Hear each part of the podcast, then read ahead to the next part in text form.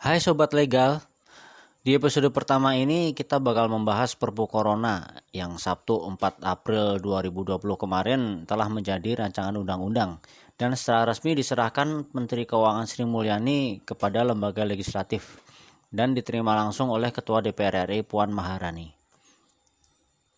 Kita semua pasti sudah tahu bahwa kita saat ini tengah berada dalam pandemi corona yang melanda kota-kota besar di tanah air. Bahkan denyut nadi ibu kota Jakarta sudah hampir sebulan berhenti. Sudah pasti kita saat ini berada dalam kondisi darurat kesehatan, serta berpotensi terjadi darurat ekonomi. Nah, dalam menanggulangi pandemi COVID-19 yang melanda ini, pemerintah membentuk gugus tugas penanggulangan COVID-19, menetapkan social dan physical distancing, dan tak cukup sampai di situ, pemerintah juga menelurkan Perpu Corona yang kemudian menjadi RUU Corona dan menuai pro dan kontra. Nah, untuk itu di episode perdana ini Mas Legal menyajikan diskusi menarik via Zoom Conference dengan mengusung tema menyoal logika hukum dan ekonomi Perpu Corona. Diskusi ini digelar oleh Kolegium Juris Institute. Selamat menyimak ya.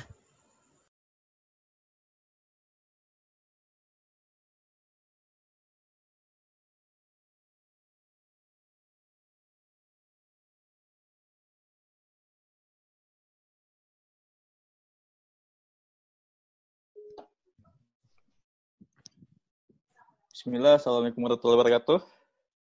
Assalamualaikum warahmatullahi wabarakatuh. Waalaikumsalam warahmatullahi wabarakatuh. Selamat pagi, salam sejahtera untuk kita semua, teman-teman. Di sini sudah ada 42 partisipan. Terima kasih sudah hadir. Sudah ada Mas Abrar juga. Halo, Assalamualaikum Mas Abrar. Kemudian juga ada Mas Mardiansa, Pak Putungan. Selamat pagi. Assalamualaikum Mas Mardi. Assalamualaikum Mas Redi. Assalamualaikum wabarakatuh. Terima kasih rekan-rekan. Kita berkumpul pagi hari ini untuk sama-sama berdiskusi, berdialektika terkait soal mengenai uh, Perpu 1 2020 tentang Corona. Jadi sementara ini moderatornya lagi terkendala mic-nya, jadi uh, kita diskusi dulu sebentar. Jadi sambil nunggu Mardi ini, uh, kita coba. Ini banyak nih kawan-kawan dari berbagai macam pelosoknya. Ada senior saya dari Semarang nih, dari Undip nih Mas Hendra Warman. Udah cek nih. Udah cek bisa dengar dah? Bisa dah ya. Kasih dah sudah gabung. Kemudian juga di sini ada Pak Dr. Chandra Yusuf, tokoh senior KJI. Terima kasih Ayahanda sudah gabung juga. Di sini juga ada Pak Kandidat Dr. Hendra Kurnia Putra. Beliau adalah uh, kepala seksi di Kementerian Hukum dan HAM.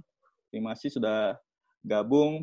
Di sini juga ada Mas Dr. Ilham Hermawan, beliau dari Universitas Pancasila, Direktur KJI. Kemudian di sini juga uh, banyak teman-teman yang lain, yang ada Dr. Ahmad Idris juga, Ketua Program Studi S1 Universitas Muhammadiyah Tangerang, terima kasih sudah hadir. Kemudian sini ada Dr. Imusina, Wakil Dekan dari Universitas Muhammadiyah Jakarta, terima kasih sudah hadir.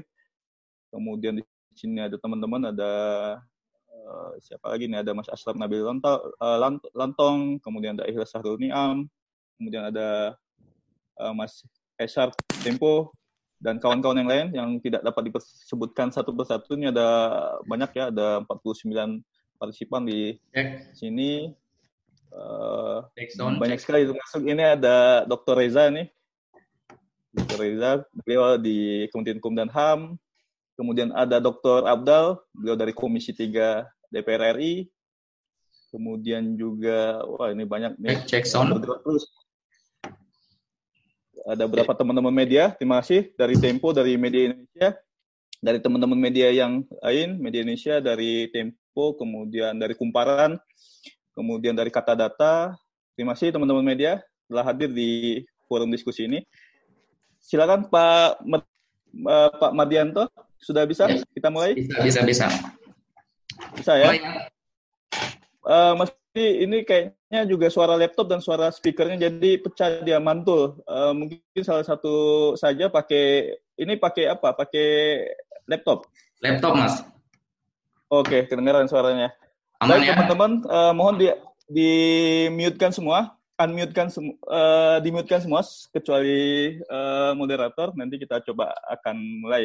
Silakan Pak moderator. Terima kasih. Assalamualaikum warahmatullahi wabarakatuh.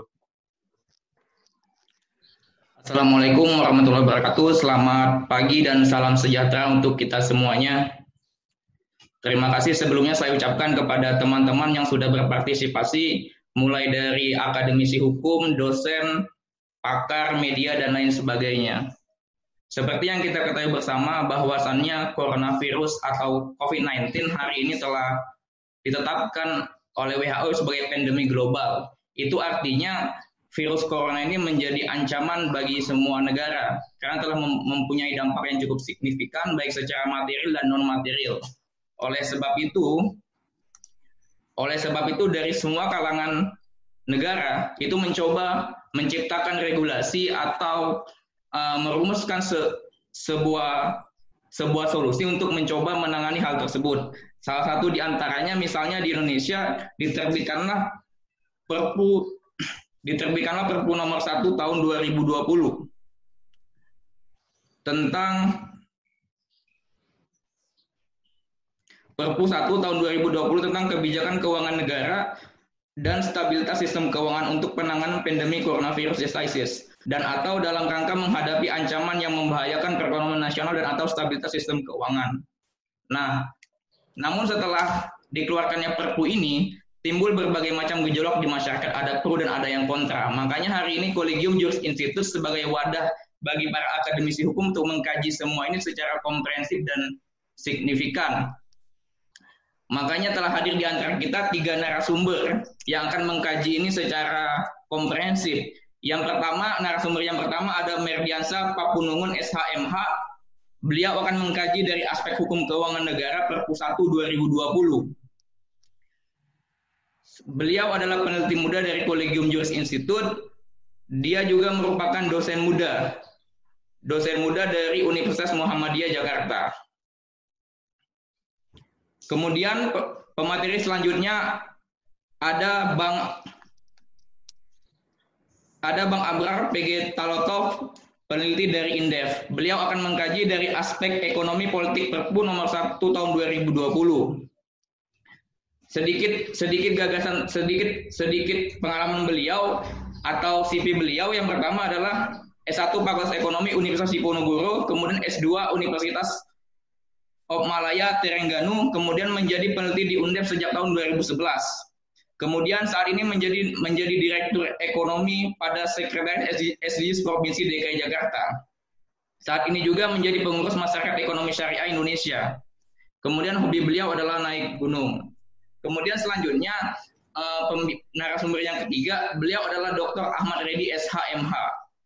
Dia adalah Direktur Eksekutif Kolegium Juris Institute Beliau adalah Direktur Kolegium Juris Institute yang yang hari ini sudah kita lihat sepak terjangnya baik di media lokal maupun media nasional. Selain itu, Pak Redi juga sebagai Kaprodi Fakultas Hukum Universitas Tarumanegara. Pembicara akan diberikan waktu masing-masing 15 menit, mulai dari Bang Merdi, kemudian kemudian dari dari Bang Abra, kemudian dari Pak Ahmad Reddy. Kemudian bagi pembicara yang ingin mengajukan pertanyaan setelah diskusi, itu akan dibuka sesi tanya jawab. Mohon untuk memberikan uh, icon angkat tangan ya, seperti itu. Kita akan mulai dari Bang Merdi, harap bisa memberikan materi dari aspek hukum keuangan negara Perpu 1 tahun 2020. Kepada Bang Merdi, waktu dan tempat kami persilakan ya. Baik, terima kasih. Assalamualaikum warahmatullahi wabarakatuh. Moderator, jelas moderator? Jelas, jelas, jelas. Jelas, baik. Terima kasih. Uh,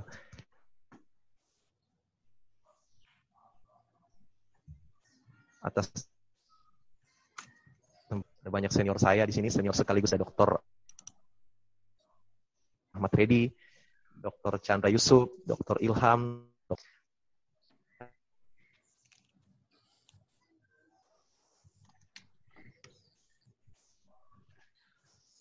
juga beberapa Kolegium Juris Institute untuk kemudian mencoba melakukan telaah terhadap uh, kebijakan yang sudah diambil oleh negara, khususnya kita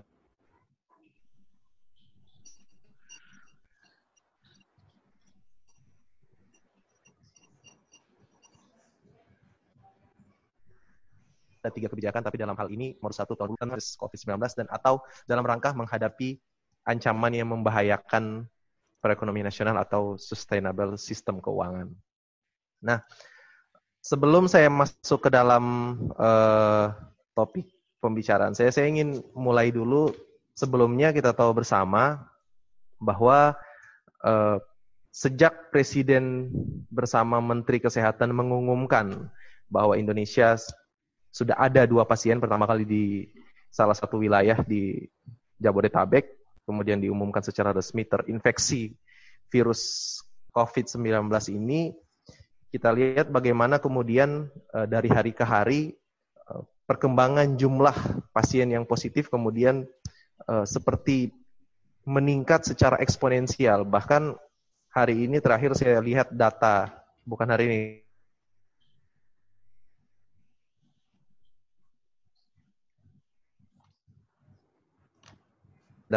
data terakhir uh, luar biasa dari orang menjadi itu merupakan uh, perkembangan agnesi, angka yang sangat signifikan. Kemudian uh, wajar apabila kemudian hal ini meng, sangat mengganggu ya, mengganggu sendi-sendi kehidupan bernegara. Setidaknya ada dua aspek yang pertama kemudian uh, cukup terganggu, tentu saja aspek orang-orang yang bekerja jadi bidang kesehatan merupakan garda terdepan yang kemudian uh, bergerak untuk kemudian uh, melawan COVID ini. Di samping itu kita tahu bersama ada juga aspek lain yang kemudian tidak kalah uh, mengalami guncangan sebagai akibat dari dampak virus ini, yakni aspek ekonomi. Jadi uh, kalau misalnya kita lihat secara uh, sistematika, maka uh, kondisi yang terjadi hari ini itu disebabkan oleh suatu kondisi yang dimulai dengan serangan pandemi yang kemudian ber, berakibat atau berimplikasi kepada goyangnya perekonomian nasional. Dan itu tidak hanya terjadi di Indonesia, tapi juga terjadi di berbagai negara lain, tidak hanya di Indonesia, sehingga kemudian uh, pemerintah uh, mengambil langkah-langkah. Nah, kita tahu sebelum kemudian tiga regulasi ini dikeluarkan, kita tahu bersama bahwa sempat uh, tersiar uh, beberapa isu yang di antaranya misalnya akan ada perpu tentang darurat sipil misalnya yang kemudian ternyata tidak dilakukan atau kemudian ada ada juga wacana yang kemudian tersiar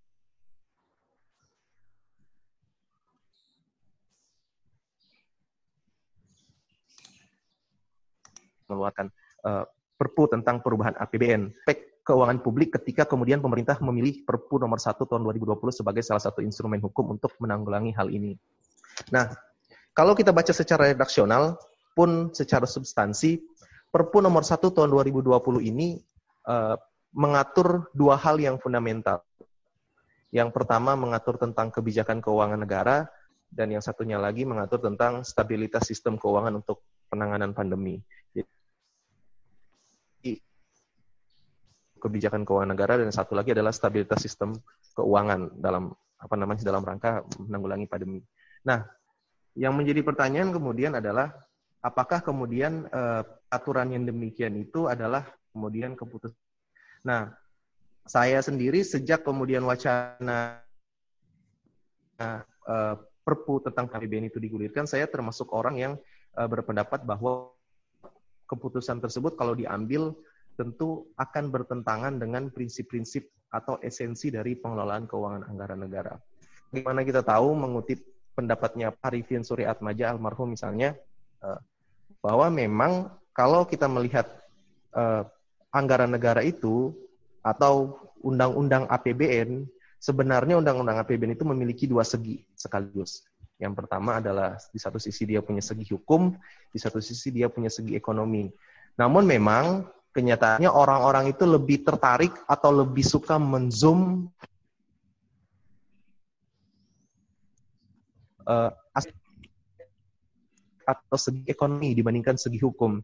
Memang sekilas ini jauh lebih menarik daripada uh, aspek hukum yang kemudian melingkupi uh, anggaran uh, keuangan publik atau anggaran negara itu sendiri. Padahal baik segi hukum maupun segi ekonomi itu memiliki uh, urgensi atau uh, sifat yang sama-sama penting dan tidak bisa dikesampingkan. Mengapa demikian? Karena esensi dari anggaran negara itu sendiri adalah kedaulatan. Kita tahu bagaimana kemudian eh, apa namanya dalam sejarah eh, perjalanan negara, bagaimana kemudian sejarah-sejarah ini mencatat bahwa eh, kenapa kemudian ini harus mendapatkan persetujuan rakyat karena memang eh, asasinya esensi dari keuangan publik itu ya kedaulatan rakyat. Jadi dari mana sumber anggaran negara yang akan digunakan untuk belanja dan anggaran tersebut akan digunakan untuk membelanja untuk melakukan belanja apa itu harus ditujukan harus dilakukan dengan apa namanya persetujuan rakyat. Itulah sebabnya eh, dalam Undang-Undang Dasar itu jelas disebutkan bahwa eh, APBN itu disusun dengan apa namanya eh, APBN itu disusun dengan harus mendapatkan persetujuan rakyat. Bahkan dalam pasal 23 itu jelas kalau kita baca secara apa namanya kita baca secara letterlek itu jelas. Kalau misalnya APBN yang diajukan oleh pemerintah itu tidak mendapatkan persetujuan DPR, maka kemudian DPR menggunakan eh, pemerintah harus menggunakan anggaran apa namanya tahun sebelumnya. Jadi eh, konteks dari APBN itu sendiri atau anggaran publik itu jelas adalah kedaulatan rakyat sehingga kemudian eh, proses persetujuan DPR itu tidak bisa dianggap sebagai sesuatu yang kemudian bisa dikesampingkan begitu saja. Termasuk juga Eh, dan karena adanya persetujuan itu sendiri, maka kemudian Undang-Undang APBN itu memiliki salah satu karakteristik. Sebenarnya ada banyak ya karakteristik, tapi yang paling menonjol itu adalah sifat apa namanya sifat periodik.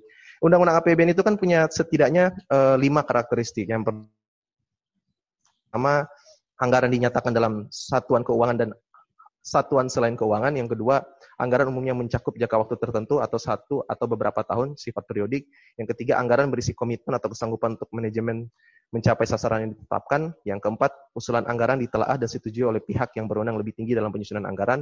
Yang kelima, sekali disusun, anggaran hanya dapat diubah dalam kondisi tertentu. Nah, berangkat dari argumen ini bahwa APBN itu um, memiliki karakteristik periodik, ya kalau di Indonesia setiap dan karakteristik periodik itu sendiri uh, tidak bisa dipandang sebagai uh, teknis atau teori basisnya itu tidak sana. Basisnya itu berasal dari kedaulatan. Kenapa perlu persetujuan DPR karena ada sifat periodik itu sendiri. Dia harus setiap tahun ini harus berubah. Bisa dia dua tahun bisa tiga tahun tapi kalau Indonesia sendiri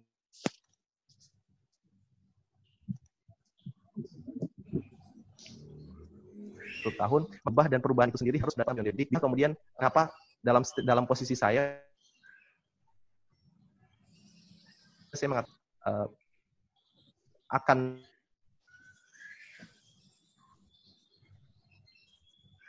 dengan uh, eh, AP Nah,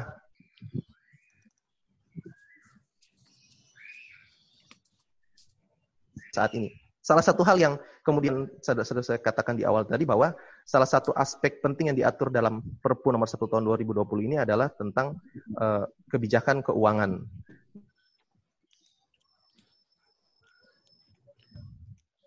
Diatur. Ini kaitannya dengan apa namanya APBN itu sendiri. APB apa namanya pengaturan dalam APBN itu sendiri. Kita tahu bahwa dalam uh, Perpu itu sendiri tepatnya di dalam pasal 2 disebutkan bahwa dalam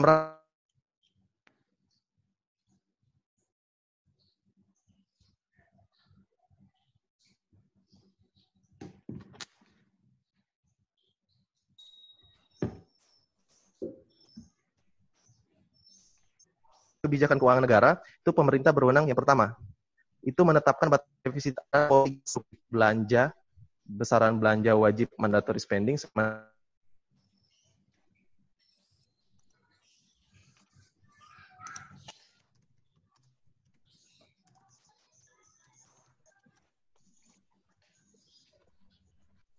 diatur dalam ketentuan peraturan perundang-undangan terkait yang cukup serta menentukan proses dan metode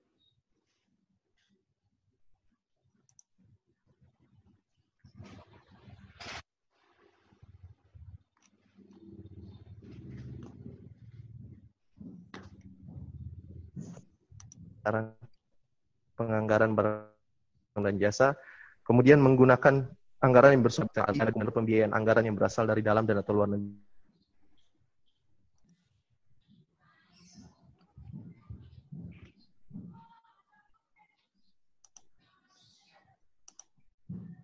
Kemudian memberikan pinjaman kepada kegiatan tertentu dan seterusnya.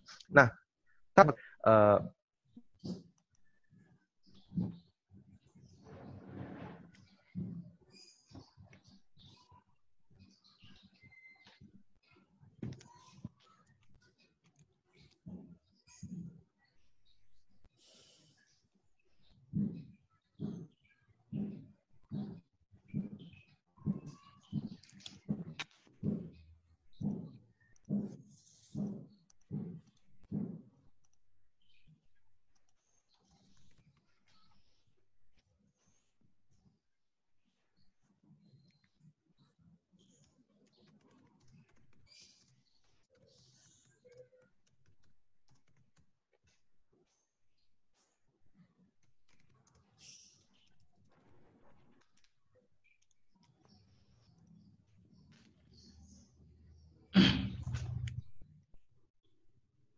Halo, cek, cek. Cek.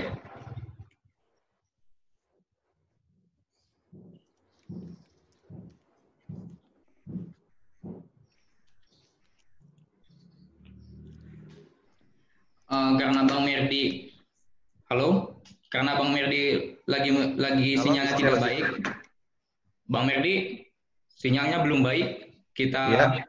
kita pindah ke pemateri selanjutnya dulu ya, baru nanti abang lagi. Gimana bang?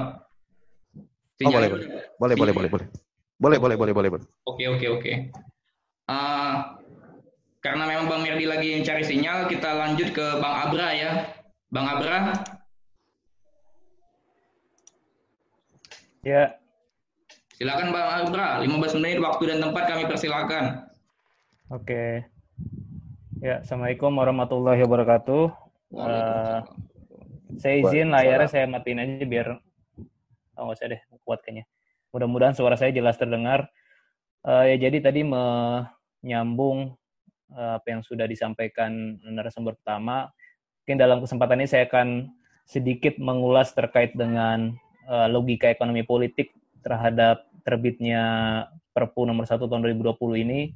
Jadi memang kalau kita melihat pertimbangan utama keluarnya Perpu ini memang state jelas di situ pemerintah bahwa uh, aturan ini memang dibuat untuk mengantisipasi uh, segala dampak ataupun resiko yang diakibatkan oleh COVID, terutama ke dalam aspek sosial ekonomi dan kesejahteraan masyarakat. Jadi memang uh, pemerintah merasa uh, pandemi COVID ini akan memiliki uh, apa sebagai extraordinary case akan memiliki dampak yang sangat luar biasa gitu. Jadi kalau kita lihat penjelasan dari pemerintah menunjukkan bahwa ini bukan uh, kasus yang biasa tapi kasus yang luar biasa. Makanya perlu juga perangkat kebijakan yang dianggap luar biasa menggunakan Perpu ini.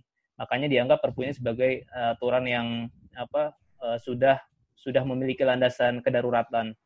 Nah mungkin saya akan mengulas sedikit kondisinya. Kenapa pemerintah sampai berpikir ya saat ini kondisi ekonomi kita memiliki risiko yang uh, dianggap mengancam uh, di masa mendatang. Ya pertama adalah eskalasi pandemi ini di seluruh dunia dan Indonesia yang semakin membesar ya, bukannya menyusut tetapi justru semakin membesar menembus sampai satu juta orang yang kasus positif di dunia. Itu menyebabkan uh, berbagai belahan negara melakukan adjust adjustment terhadap proyeksi ekonomi di tahun ini dan seluruhnya mayoritas sepakat bahwa akan ada tekanan yang sangat besar. Nah, beberapa lembaga internasional sudah memproyeksikan akan terjadi eh, pertumbuhan negatif uh, ekonomi dunia. Beberapa misalkan JP Morgan itu memprediksi ekonomi dunia tahun ini minus 1,1 persen, kemudian di Economist Intelligence Unit juga minus 2,2 persen. IMF juga memprediksi akan negatif. Nah, kemudian adanya proyeksi negatif dari uh, lembaga internasional ini menyebabkan seluruh investor global mengalami kepanikan. Nah, kepanikan ini akhirnya menyebabkan di ekonomi Indonesia juga mengalami dampak di beberapa uh, apa jalur. Pertama, uh, kepanikan investor itu menyebabkan uh, proses uh, pembalikan dana atau capital outflow sepanjang satu triliun ini dari Januari sampai Maret sudah ada sekitar 168 triliun dana asing yang uh, mudik dari Indonesia ya. Jadi yang terdiri dari pasar modal, kemudian pasar surat berharga negara maupun obligasi uh, swasta. Nah, yang pertama nilai tukar rupiah ya. Kalau kita lihat dari Januari sampai akhir Maret itu sudah mengalami penurunan sekitar 17,8 persen.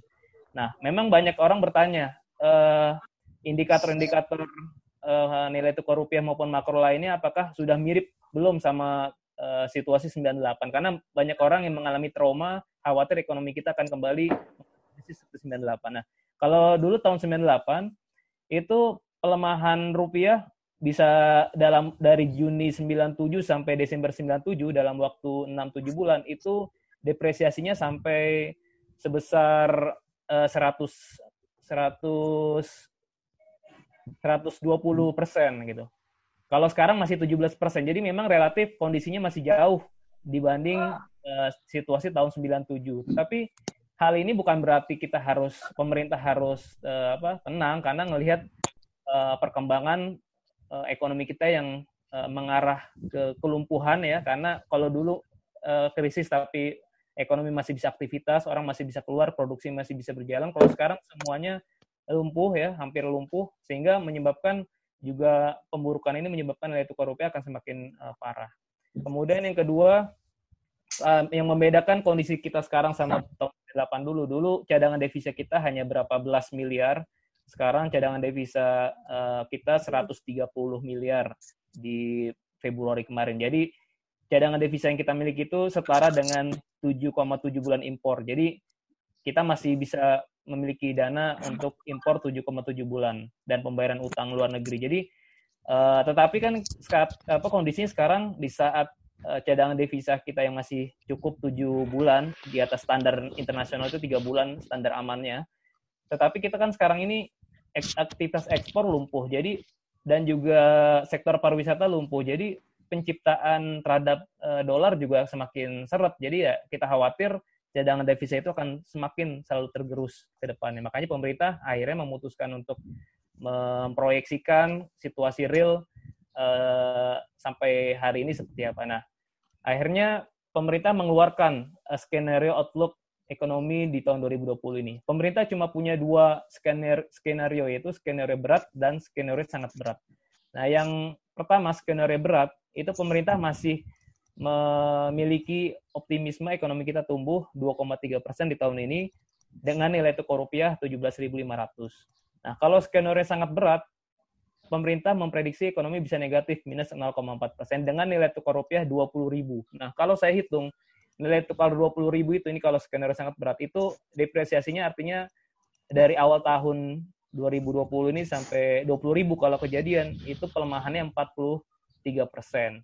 Jadi masih jauh dibanding tahun 98 dulu. Jadi dengan melihat indikator itu sebenarnya eh, apa legitimasi pemerintah untuk menerbitkan Perpu karena kondisi kedaruratan ini masih relatif jauh dibanding situasi 98.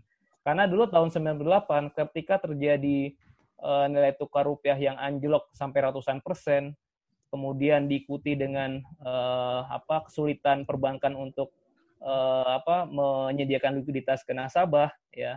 Sehingga akhirnya dulu pemerintah mengeluarkan opsi bailout ya. Kalau kita ingat uh, kasus apa uh, BLBI kebijakan BLBI sampai nilainya 144,5 triliun ya ketika itu menyebabkan uh, apa masyarakat sebelumnya me, karena mengalami ketidakpercayaan terhadap uh, stabilitas ekonomi nilai tukar rupiah yang terus anjlok menyebabkan masyarakat dulu beramai-ramai mengambil uang di bank atau kita sering dengar itu namanya rasmani. Nah, sehingga bank membutuhkan likuiditas dan ketika itu pemerintah mengeluarkan kebijakan bailout 144,5 triliun untuk sekitar 48 bank uh, swasta.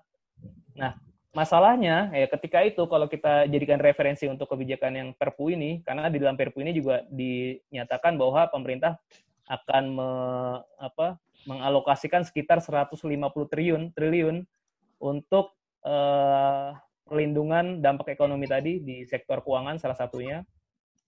Sehingga kita khawatir nanti uh, peristiwa BLBI dari 148 144 triliun tadi yang bisa dikembalikan hanya sekitar 6 triliun, selebihnya di tidak bisa dikembalikan. Nah, itu khawatir kita terjadi kembali. Nah, catatan kritis terhadap Perpu nomor 1 2020 ini saya mungkin fokus terhadap eh, apa antisipasi pemerintah di bantuan likuiditas tadi ya ke korporasi terutama baik perbankan maupun non perbankan adalah apa jaminan nanti dana yang sudah akan dikeluarkan oleh pemerintah bisa dikembalikan oleh para uh, debitur. Dan jangka waktunya juga nih nggak jelas dalam Perpu. Pembayarannya itu berapa lama, berapa tahun, itu juga belum spesifik. Nah, itu juga menjadi uh, beberapa catatan. Karena pemerintah sudah memberi tameng, ya, KSSK memberi tameng perlindungan hukum terhadap mereka, mereka, membangun imunitas hukum. Ini juga menjadi khawatiran akan terjadinya moral hazard. Karena ketika dulu aja Eh, kebijakan-kebijakan itu diambil dengan uh, tentunya dengan keterbukaan. Sekarang ini sudah dilindungi dengan imunitas. Ini juga menyebabkan apa masyarakat kemudian juga aparat penegak hukum nggak bisa menilai kembali apakah kebijakan itu sudah tepat sasaran atau belum. Nah uh, berikutnya lagi selain yang tadi stimulus uh, untuk perekonomian, juga pemerintah memang sudah mengeluarkan beberapa paket uh, kebijakan buat menjaga daya beli masyarakat ya. Misalnya pembebasan listrik untuk golongan 450, kemudian diskon 50% buat uh, pelanggan 900 volt, kemudian juga bantuan pangan, kemudian uh, program uh, PKH, program keluarga harapan dan juga kartu prakerja. Nah, kalau dari kami dari beberapa stimulus uh, fiskal tadi terutama untuk uh, menjaga daya beli masyarakat, ada beberapa catatan kritis. Yang pertama adalah selama ini bantuan pangan dan juga bantuan PKH pemerintah itu kan menyasar ke keluarga penerima manfaat uh, yang menggunakan database dari apa data basis terpadunya TNP 2K. Yang itu semuanya mayoritas adalah kelompok masyarakat miskin dan rentan miskin. Nah, saat ini situasinya ada uh, ada potensi penambahan masyarakat uh, miskin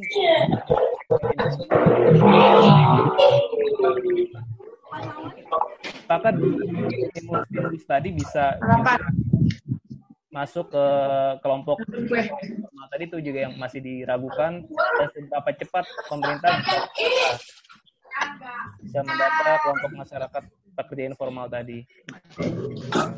Kemudian juga uh, catatan terkait dengan program kartu prakerja yang sebelumnya nilainya Assalamualaikum ditingkatkan menjadi 20 triliun. Nah itu juga punya punya kelemahan karena program kartu prakerja ini ternyata masih harus mensyaratkan adanya pelatihan baik itu pelatihan offline maupun pelatihan online. Nah, masalahnya kan dalam situasi sekarang ini masyarakat pertama yang yang uh, di PHK atau yang dirumahkan tanpa bayaran unpaid leave mereka harus mengeluarkan internet untuk mengikuti pelatihan mengikuti pelatihan uh, online tadi.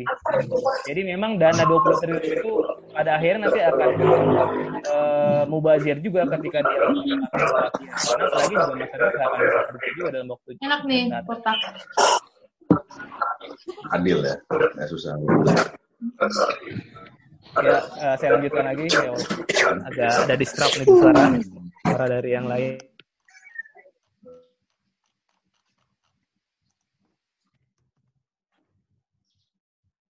Lanjutkan terkait dengan Perpu nomor 1 2020 ini juga, uh, karena pemerintah menganggap sekarang adalah extraordinary, extraordinary uh, situation, maka perlu extraordinary regulation juga. Nah, persoalannya adalah uh, seberapa cepat pemerintah bisa menyusun uh, juknis dan uh, apa juknis uh, turunan ya untuk pelaksanaan Perpu ini karena pada akhirnya nanti kalau Perpu ini terlambat atau la, lambat diimplementasikan juga pada akhirnya nanti dana ini yang dialokasikan akan mubazir juga gitu. Karena pemerintah sudah me, apa meningkatkan defisit dari 3% menjadi 5%, ini ini tentu penuh resiko, penuh eh, beban buat APBN ke depan. Nah, yang menjadi kekhawatiran juga peningkatan defisit fiskal yang dari 3% jadi 5% ini diikuti dengan penurunan PPH eh, badan ya. Jadi pemerintah nih sebetulnya memanfaatkan Perpu nomor 1 2020 ini juga untuk mengakomodir kebijakan omnibus law di sektor perpajakan. Jadi kalau kemarin omnibus law eh, baik itu cipta kerja maupun perpajakan masih masih banyak yang melakukan protes, ini pemerintah secara sepihak bisa langsung menetapkan penurunan PPh badan. Dan ini kan di satu sisi tarif pajak badan diturunkan, di sisi lain eh, beban pemerintah untuk membayar utang dalam jangka menengah juga semakin besar. Ini khawatir kita nanti kemampuan APBN kita untuk mengembalikan utang di saat sekarang kebutuhan kita besar nanti juga nggak akan nggak akan bisa ditutup. Nah itu akan meningkatkan risiko di APBN kita. Nah, padahal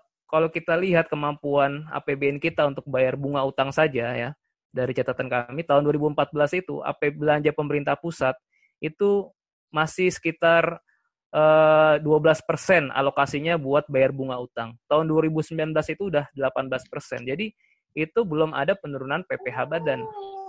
APBN kita semakin tergerus buat bayar hanya bunga utang, baru bunga utang. Apalagi ini ditambah nanti dengan sekarang kita uh, akan memperlebar defisit yang itu ditutup dengan utang dan kondisinya ketika kita sekarang uh, menambah hutang di tengah resiko yang besar tentunya pasti bunga utang kita juga uh, apa yieldnya akan semakin tinggi. Nanti beban buat pembayaran bunga utang di masa depan juga akan Abra, izin waktu habis. Oke uh, mungkin dari saya itu dulu sementara. Terima kasih Pak Abra atas waktunya dan kesempatannya.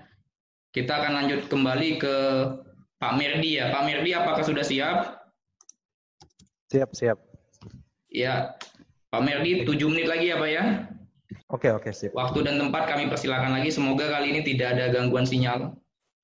Oke, baik, baik, baik. Ya, makasih moderator. Saya ingin melanjutkan uh, pemaparan saya tadi bahwa uh, tadi Mas Abrar sudah mengemukakan secara sangat komprehensif ya bagaimana kemudian kondisi ekonomi kita sebagai dampak akibat dari virus dan itu tidak hanya terjadi di Indonesia, tapi uh, yang yang ingin saya tegaskan yang pertama adalah bahwa uh, merubah APBN, wacana merubah APBN dengan perpu saja itu sebenarnya tidak tepat dengan esensi dari anggaran negara itu sendiri. Apalagi ketika kemudian Perpu nomor 1 2020 ini dikeluarkan. Mengapa? Sebagai contoh misalnya, dalam uh, dalam Perpu ini bukan bahwa uh, batasan defisit anggaran melampaui 3% dari produk domestik bruto selama masa penanganan dok COVID-19 dan atau untuk menghadapi ancaman nasional yang membahayakan perekonomian nasional dan atau stabilitas sistem keuangan paling lama sampai dengan berakhirnya tahun anggaran 2022. Oke, ini ini proyeksi pemerintah, tapi coba kita bayangkan. Yang namanya undang-undang APBN itu esensinya adalah kedaulatan. Dia harus mendapatkan persetujuan DPR. Nah, Perpu ini itu menentukan batas menentukan batas apa namanya eh, defisit itu bisa melampaui 3% produk domestik bruto, tidak hanya kepada anggaran tahun ini saja yang sedang berlaku, tapi terhadap anggaran sampai 2 tahun ke depan, 2021-2020. Dua tahun anggaran yang undang-undangnya saja belum ada. APBN 2021 dan 2020 itu belum disusun. Nah, ketika kita bisa bayangkan bagaimana ketika DPR dan pemerintah menyusun APBN 2 tahun ke depan, itu harus diikat oleh Perpu ini. Jadi ini semakin mengacaukan apa namanya konteks uh, penyusunan undang-undang APBN itu sendiri. Artinya secara tidak langsung Perpu ini uh, apa namanya mendelegitimasi uh, fungsi persetujuan DPR terhadap sebagai uh, apa namanya pengejantauan dari konsep kedaulatan rakyat yang menjadi esensi dari undang-undang uh, dari keuangan publik itu sendiri. Nah, yang menjadi pertanyaan kemudian adalah uh, ada tidak jalan keluar dari selain daripada kemudian menerbitkan perpu ini kalau kita uh, carikan ke dalam uh, sistem undang-undang keuangan negara kita. Sebenarnya ada.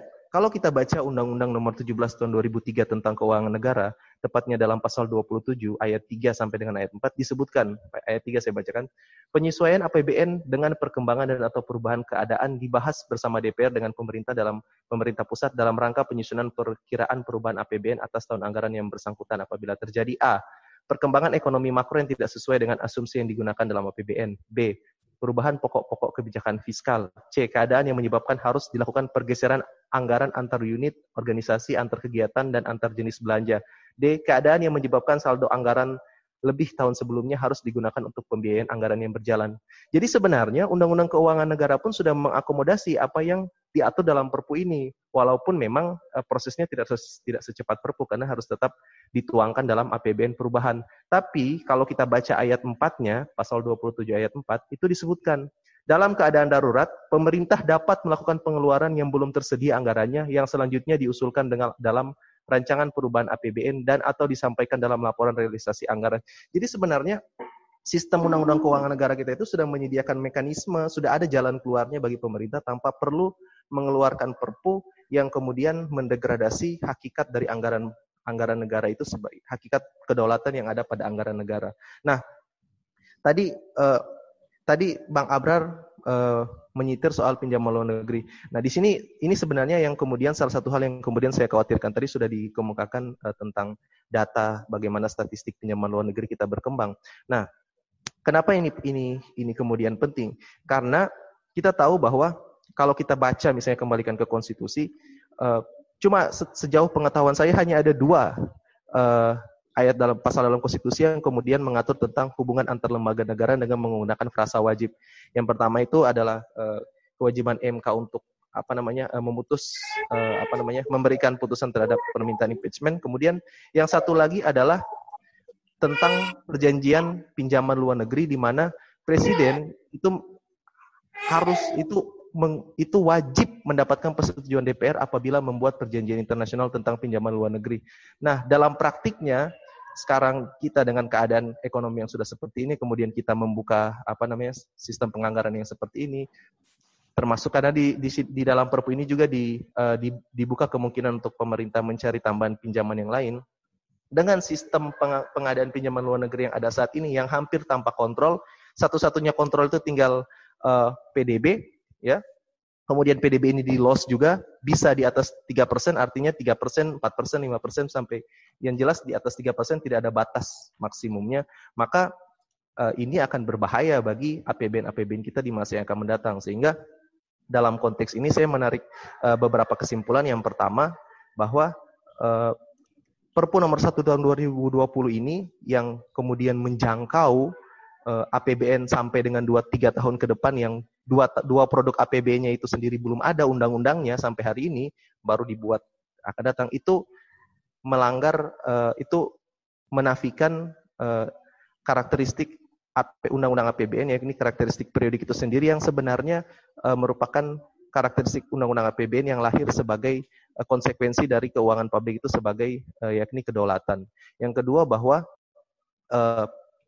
pun kita jika tidak menggunakan apa namanya instrumen perpu ini dalam menangani aspek perekonomian karena sebenarnya kan masalah utamanya ini bukan perekonomian sebenarnya masalah ekonomi masalah perekonomian itu kan akibat lanjutan masalah utamanya itu kan ada pada dunia kesehatan walaupun kita tidak menyepelekan aspek ekonominya. Tapi sebenarnya undang-undang keuangan negara pun sudah menentukan sudah memberikan jalan keluar bagi kita untuk ketika uh, negara itu kemudian menghadapi kondisi darurat ya kondisi luar biasa, keadaan darurat, maka pemerintah itu dapat melakukan pengeluaran yang belum tersedia anggarannya yang selanjutnya diusulkan dalam rancangan APBN dan atau disampaikan dalam laporan realisasi anggaran. Jadi baik dari sisi uh, teknis anggaran negara atau uh, aspek keuangan publik maupun dari sisi uh, apa namanya uh, adanya keadaan darurat sehingga keluar perpu itu sendiri, menurut saya perpu ini tidak memiliki uh, urgensi untuk kemudian dikeluarkan.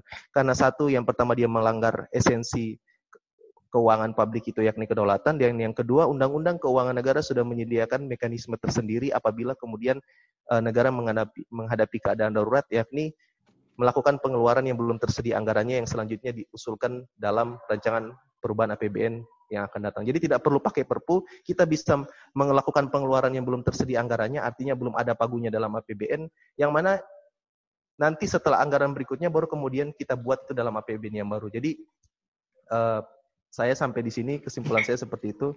Jadi menurut saya uh, perpu ini tidak punya dari sisi keuangan publik tidak punya uh, urgensi untuk kemudian uh, menyelesaikan masalah ekonomi sebagai akibat dari penyebaran pandemi COVID-19 ini. Terima kasih moderator.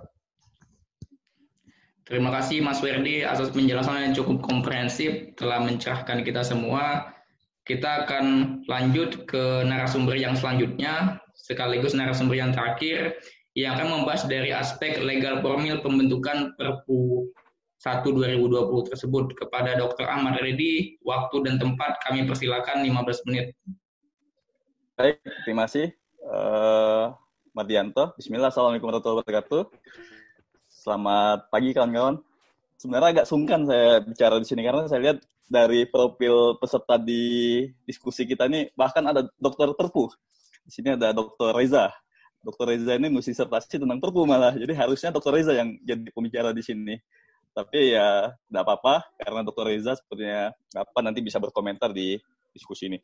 Baik kawan-kawan, saya um, melengkapi saja apa yang tadi sudah disampaikan oleh Abrar dan Madi terkait mengenai aspek hukum dan ekonomi, saya ingin membahas dari tiga, dari tiga, tiga hal.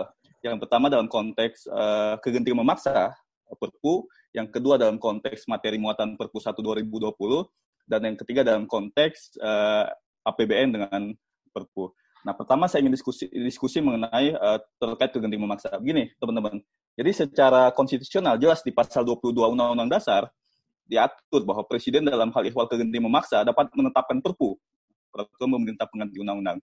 Nah, uh, ini menjadi apa kekuatan superpower bagi seorang presiden, sebuah instrumen um, sangat sakti untuk kemudian menyelenggarakan hal-hal yang memang dianggap genting. Jadi kata kuncinya adalah kegentingan yang memaksa. Nah, sebelum ada putusan Mahkamah Konstitusi nomor 138 tahun 2012, kegentingan memaksa ini nggak jelas.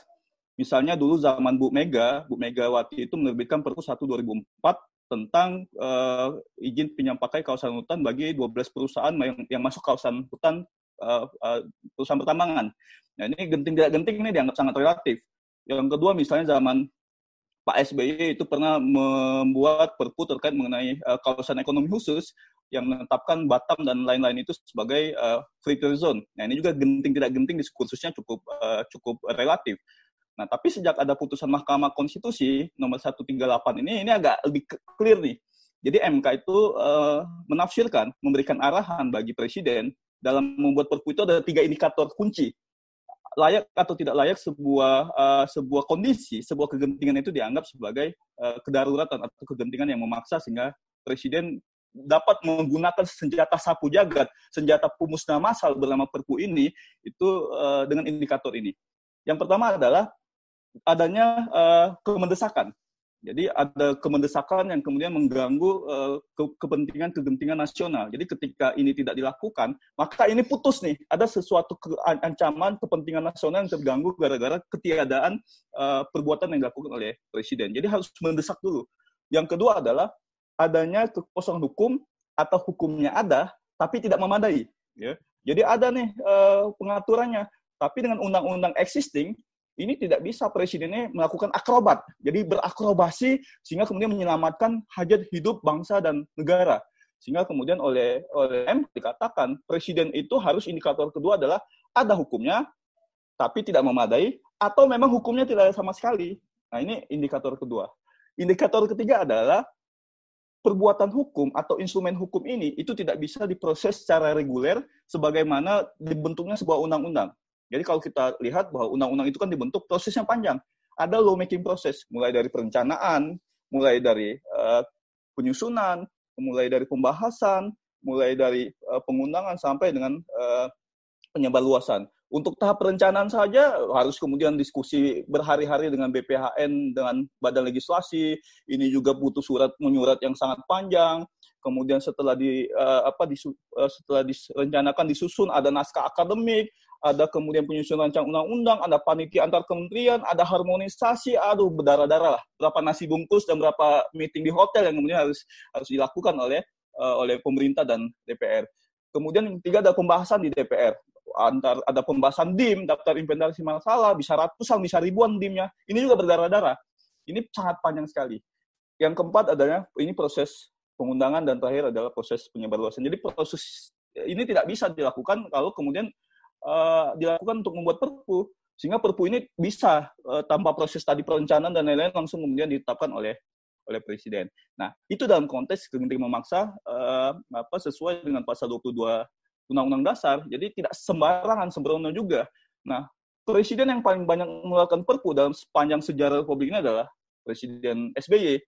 SBY itu menerbitkan 20 Perpu sepanjang 10 tahun pemerintahan beliau dan Pak Jokowi ini eh, lima tahun plus dua tahun ini ya, lebih kurang saya catat ada lima perpu yang kemudian dikeluarkan oleh Pak Jokowi termasuk Perpu 1 2020 ini. Jadi kegentingan memaksa itu ya tadi sangat subjektif presiden, tapi MK kemudian apa uh, membuat guidance bagi presiden mana genting mana tidak genting. Itu dalam konteks materi muatan Perpu satu Perpu. Nah, kemudian yang kedua, materi muatan. Nah, saya ingin mendiskusikan materi muatan Perpu 1 2020. Jadi materi muatan Perpu 1 2020 ini, Perpu Corona lah kita sebut ya. Perpu Corona ini tiga. Ya. Pertama dalam konteks Corona itu sendiri, yang kedua dalam konteks uh, keuangan negara uh, dan stabilitas ekonomi, yang ketiga adalah stabilitas sistem keuangan. Jadi ada tiga materi muatan yang kemudian lahir di di apa di Perpu ini. Pertanyaan kritisnya adalah COVID itu uh, genting memaksa atau tidak? Nah, kita sebagai rakyat Indonesia bisa bisa menyatakan 1100% bahwa penanganan soal COVID itu itu adalah soal yang kegentingan memaksa. Jadi dia memenuhi indikator kegentingan memaksa sesuai dengan pasal 22 Undang-Undang Dasar. Selanjutnya yang kedua adalah masalah stabilitas uh, keuangan. Nah, apakah ini genting atau tidak? Tadi Abrar dengan sangat gamblang bicara mengenai uh, apa neraca kita, bicara mengenai devisa kita, bicara mengenai apa uh, uh, terkait mengenai defisit terhadap PDB dan lain-lain. Menurut ekonom, menurut Indep lah tadi Abrar karena Abrar ini ini tidak ada soal kegentingan sebenarnya terkait mengenai sistem keuangan ini. Kemudian yang ketiga adalah terkait mengenai stabilitas sistem keuangan. Jadi KKSK lah kira-kira ini dulu SBY menerbitkan Perpu 4 2008, Perpu yang kemudian sampai saat ini menjadi Perpu yang ber, ber, bermasalah karena ini Perpu yang menjadi bailoutnya sendiri. Nah, ini juga menjadi soal. Jadi kalau kita batu ujikan, kita coba analisis kritis yang memenuhi indikator kegentingan memaksa sesuai pasal 22 Undang-Undang Dasar itu hanya terkait mengenai penanganan corona tapi bicara mengenai tadi eh, apa yang kedua ancaman krisis, yang ketiga bicara mengenai stabilitas sistem keuangan itu nggak nggak memenuhi indikator kegentingan memaksa. Nah, ini yang kemudian menurut saya menjadi catatan kritis. Jangan-jangan ini sengaja ada penumpang gelap nih.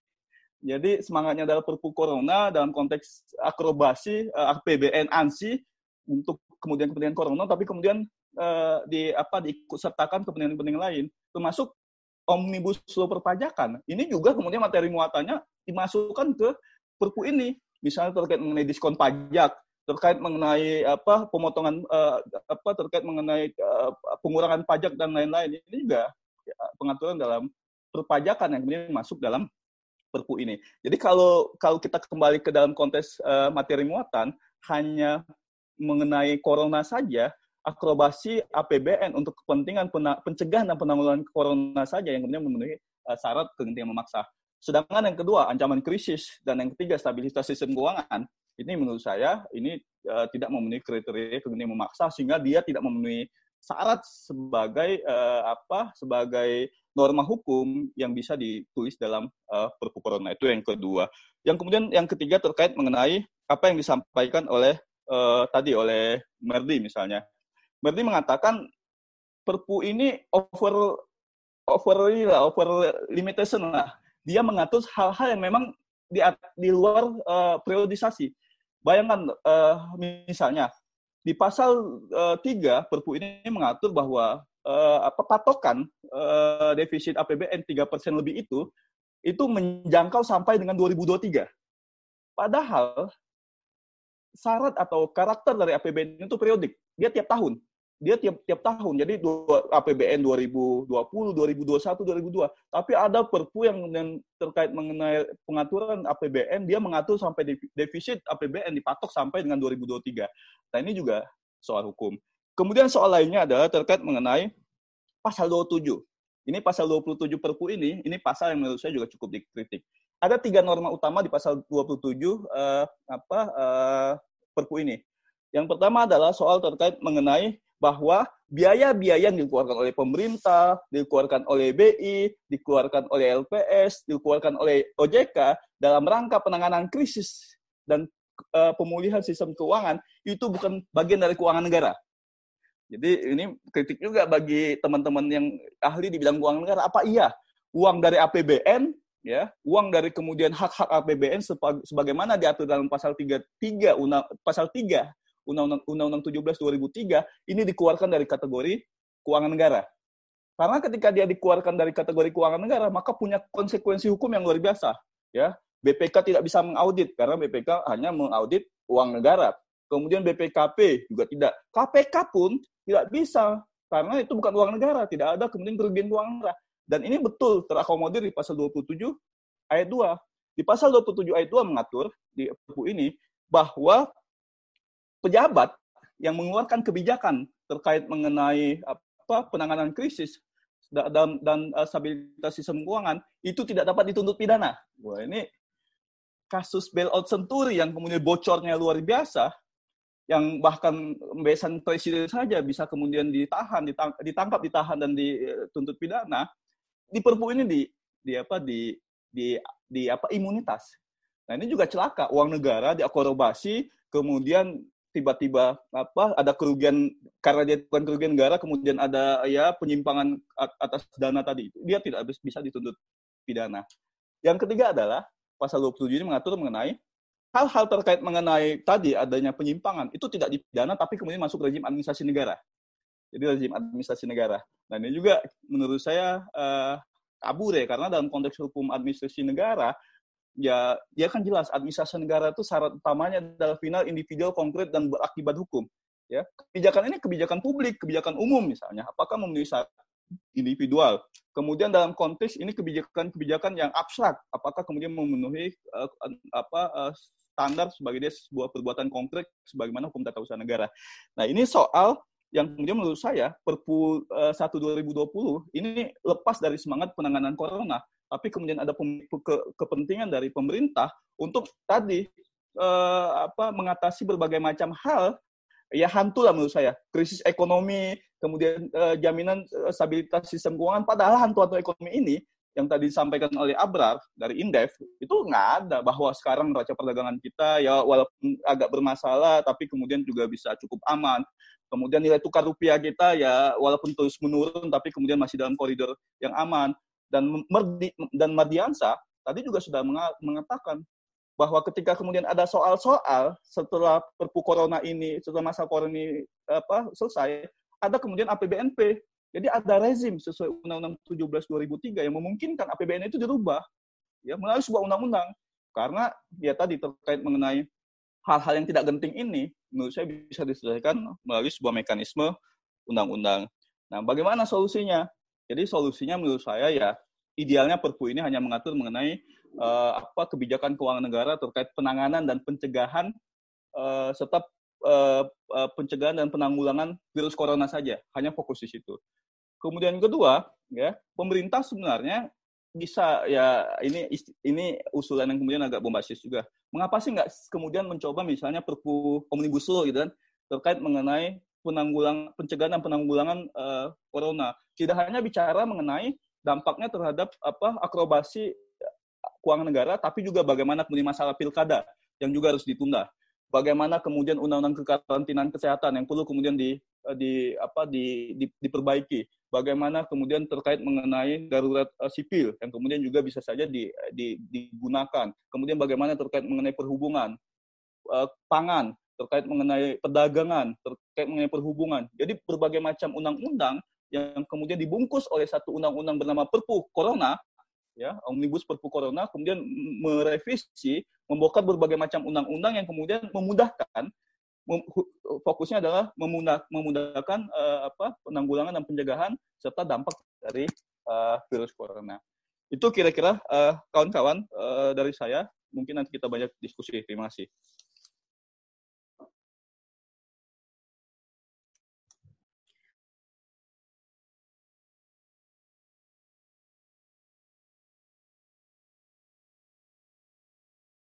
Tanya jawab Sesi pertama akan kita buka dengan tiga pertanyaan pertama. Yang mau bertanya silakan uh, kasih ikon angkat tangan, nanti akan dipersilakan oleh saya, siapa-siapa saja tiga orang ini.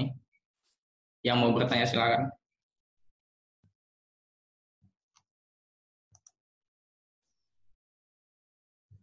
Itu ada Bung Reza yang nunjuk tangan.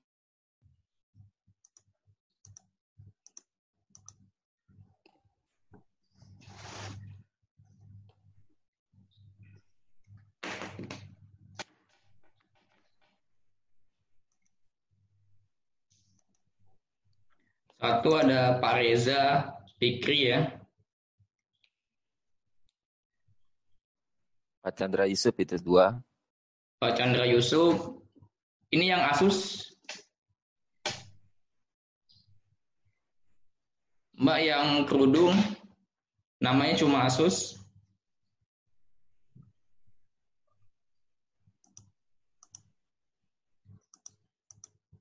Ya, Tiga pertanyaan pertama ya. Yang pertama dipersilakan kepada Pak Reza, kemudian dilanjutkan dengan Pak Chandra, kemudian dilanjutkan dengan Mbak yang kerudung yang namanya hanya Asus.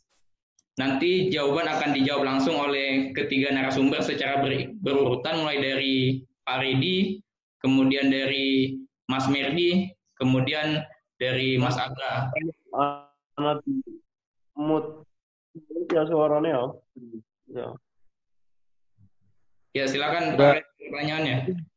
Ya, eh, terima kasih moderator. Selamat siang. Assalamualaikum warahmatullahi wabarakatuh. Waalaikumsalam warahmatullahi wabarakatuh. Uh, ya, eh, para narasumber dan ibu bapak, teman-teman sekalian. Eh, yang pertama saya mau tanya ke Pak Abrar ya. Ini dalam Perpu ini kalau kita lihat uh, pertimbangan, strategi dan narasi ekonominya sangat mendominasi ya, uh, sehingga nampaknya relatif minim semacam sentuhan-sentuhan hukumnya dari aspek uh, konstitusi, ilmu perundang-undangan dan lain sebagainya. Uh, Pak Abrar kira-kira punya informasi nggak sih ini uh, naskah awalnya ini inisiatifnya dari mana sih gitu loh? Karena uh, narasi ekonominya sangat mendominasi sehingga kalau kita uh, mungkin di sini banyak dari kalangan hukum kalau yang tidak punya apa atau banyak membaca referensi ekonomi mungkin ada beberapa uh, diksi dan juga konsep-konsep yang agak awam gitu ya. Ini dari mana atau siapa kira-kira yang punya inisiasi me, me, menyusun uh, naskah ini gitu? Itu yang pertama ya Nah, kedua memang ini soal eh, apakah materi muatan Perpu itu senantiasa sama dengan materi muatan undang-undang. Nah, sehingga apa yang boleh diatur dengan undang-undang boleh juga dan sah-sah saja diatur dengan instrumen Perpu. Saya eh, sementara ini berpendirian idealnya ada beberapa batasan-batasan yang seharusnya tidak eh, boleh diatur dengan perpu karena perpu dan undang-undang ini sejajar bukan sama gitu. Ada landasan konstitusionalnya berbeda fungsinya berbeda definisi operasionalnya berbeda dan banyak hal-hal prinsip yang sangat membedakan perpu dan undang-undang. Mereka berdua ini hanya sejajar bagi saya tetapi tidak sama dan beberapa putusan MK eh, ini dalam konteks pidana sih tapi eh, membatasi. Ada beberapa Mas yang memang kewenangan eksklusif pembentuk undang-undang gitu. Nah kemudian eh, apa namanya? Nah supaya jelas ke depannya ini tindak lanjutnya kira-kira bagaimana gitu ya? Eh, apakah memang perlu ada jalan keluar bagaimana situasi darurat ini sehingga pemerintah bisa secara subjektif atau sepihak mengubah undang-undang. Nah ini memang perlu ada jalan keluarnya karena secara konstitusional nantinya di DPR itu hanya memberikan atau tidak memberikan persetujuan. Nah, apakah DPR bisa membahas RU penetapan Perpu karena uh, Perpu ini kan uh, diajukannya sebagai RU penetapan Perpu menjadi undang-undang, dia menjadi lampiran, tidak seperti RUU biasa gitu. Nah itu eh, beberapa hal. Nah, kemudian juga eh, soal nah, misalnya kita mau meningkatkan rasio utang dengan Perpu, kemudian kita sudah ngutang apakah dengan Cina, dengan IMF misalnya sudah ngutang nih, deal utang, tambah utang. Kemudian Perpunya tidak disetujui DPR, apakah utangnya bisa berhenti begitu saja? Nah, inilah kemudian nah makanya saya ada beberapa yang sependapat dengan eh, Pak Merdi bahwa apa namanya soal APBN itu sangat mencerminkan kedaulatan dan juga partisipasi serta persetujuan uh, rakyat sehingga sebetulnya pemerintah masih punya cara untuk melakukan apa yang disebut dengan uh, fast track legislation yakni apakah membuat RU di luar prolegnas yang bisa jalur cepat atau di dalam skema undang-undang keuangan negara memang ada jalan keluar seperti tadi yang disampaikan uh, Pak Merdi tadi. Nah terakhir Pak Moderator ada soal apa namanya dalam putusan Mahkamah Konstitusi itu ada satu mandat konstitusional penting dari MK bahwa Perpu itu harusnya mengatur sesuatu yang post factum atau uh, sering disebut sontak segera. Jadi harus terjadi dulu peristiwa konkret baru boleh diatur. Dia tidak boleh mengatur potensi. Nah, di dalam Perpu anti corona ini saya melihat ada post factumnya soal corona, tapi ada beberapa potensi-potensi masalah ekonomi yang juga mau diatur. Kalau kita lihat judul, ah, itu kan khusus corona dan atau untuk keperluan-keperluan ekonomi lainnya. Nah, dari sisi teknik penyusunan juga tidak lazim nih mengatur dua materi besar dalam uh, satu instrumen. Biasanya kan judul itu RUU tentang apa, undang-undang tentang apa, tapi tidak lalu ada diatur beberapa persoalan. Nah, ini uh, mungkin beberapa catatan yang nanti bisa di apa namanya uh, diskusikan lebih lanjut. Makasih atas kesempatannya Pak Moderator. Assalamualaikum warahmatullahi wabarakatuh. Waalaikumsalam. Terima kasih Pak Reza, pertanyaan yang cukup banyak ya sudah dicatat. Nanti akan dijawab, namun kita tampung dulu pertanyaannya. Kita catat lagi pertanyaan dari Pak Chandra Yusuf ya. Pak Chandra Yusuf, silakan waktu dan tempat untuk bertanya kami persilakan. Uh, Assalamualaikum warahmatullahi wabarakatuh. Waalaikumsalam. Uh, jadi uh, saya melihat, wah ini sangat menarik ya uh, para apa? Hmm.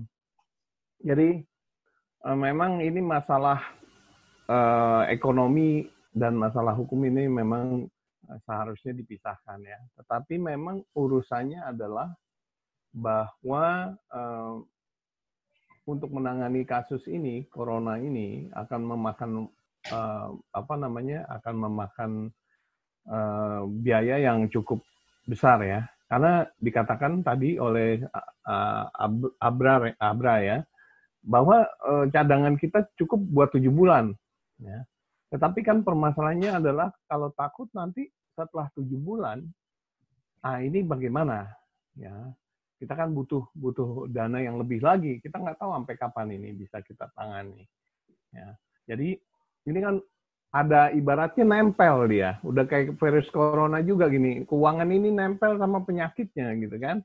Sama badan-badan orangnya. Nah ini kalau kita ngomongin masalah hukumnya, memang nggak bisa, memang tidak bisa digunakan per, per PPU ya. Sekaligus untuk ekonomi, sekali dua subjek memang memang ya rasanya nggak pernah ya, rasanya nggak pernah. Tetapi memang ini harus diatur sekaligus ya. Memang saya sih setuju kalau sumpamanya ada dipisahkan dua, tetapi setuju juga kalau sumpamanya eh, eh, tapi eh, dilaksanakan sekaligus. Nah, saya melihat gini, ini kan eh, hukum itu kan demarka, demarkasi ya. Artinya kita ada sesuatu yang memang kita uh, garis yang tidak kelihatan, tetapi kita nggak boleh ngelewatin. Ya. Tetapi ada hal yang konkret yang harus kita tangani. Yang bukan saya nggak setuju bahwa per PPU itu harus tersendiri ya untuk mengatur corona saja, tetapi kan eh, apa namanya kemungkinan-kemungkinan itu kan ada ya kemungkinan-kemungkinan yang akan terjadi nantinya ada permasalahan-permasalahan biaya ini akan menjadi masalah. Ya, kalau sudah habis terus kita mau ngapain lagi itu kan udah darurat artinya. Ya, kalau dana kita udah darurat ya repot juga kita kan. Nah, kalau kita lihat di sini kan uh, permasalahan apa namanya uh, uh, yang dinamakan biaya uh, apa uh, APBN misalnya harus uh, dilengkapi. Kita harus melihat konkretnya seperti apa. Ya. Jangan kita ngelihat hukumnya, hukumnya dulu yang kita lihat, kemudian baru kita terapin konkretnya. Repot nanti. Ya. Jadi kita nggak nggak antisipasi. Jadi ibaratnya bikin dulu kerangkanya, lempar dulu batu, baru kita lompat ya untuk nanganin uh, lempar dulu batu lagi lompat. Kita ketinggalan di situ. Ya, jadi memang harus antisipasi. Tetapi saya setuju dengan yang namanya dua itu ya. Nah, bagaimana dalam bentuk apa yang saya mau tanya adalah dalam bentuk apa kalau memang harus dua-duanya berjalan. Ya. Kalau tidak berjalan puntus bagaimana kalau nanti memang terlewati Artinya tujuh bulan itu lewat. Nah, bagaimana mengatasinya? Nah, saya tujukan eh, pertanyaan ini ketiga-tiganya ya kepada ketiga pembicara. Rasa cukup itu aja ya. Ya, terima kasih. Terima kasih Pak Chandra Yusuf atas pertanyaannya. Pertanyaannya cukup menarik ya. Kemudian kita tampung juga. Kita akan lanjut ke penanya juga ya, Mbak Happy. Happy. Silakan. Silakan. Oke, baik. Assalamualaikum warahmatullahi wabarakatuh. Saya happy. Uh, pada prinsipnya saya setuju dengan pemaparan dari pemateri ya. Yang pada prinsipnya keuangan negara itu dapat mendegradasi fungsi pengawasan DPR, audit BPK karena terkena dengan keuangan negara, bahkan bisa mendegradasi kewenangan peradilan. Saya ada pertanyaan yang pertama itu terhadap uh, Bang Redi yang mengenai Perpu Corona apakah itu harus dalam bentuk perpu? Karena kalau saya lihat, kalau untuk hanya sebagai penanganan COVID secara pelaksanaan di lapangan, itu dapat dilakukan dengan peraturan presiden. Contoh kan sudah pernah kita lakukan juga. Peraturan Presiden nomor 30 tahun 2011 tentang pengendalian zoonosis begitu kan. Itu saya minta pendapatnya bagaimana sama Lady. Terus yang kedua mungkin saya sedikit uh, lemah ya di bagian uang negara ini saya ingin bertanya, kenapa bukan penjualan sum yang dijadikan solusi pembayaran atau keuangan dalam penanganan pandemi ini? Cukup itu saja. Terima kasih.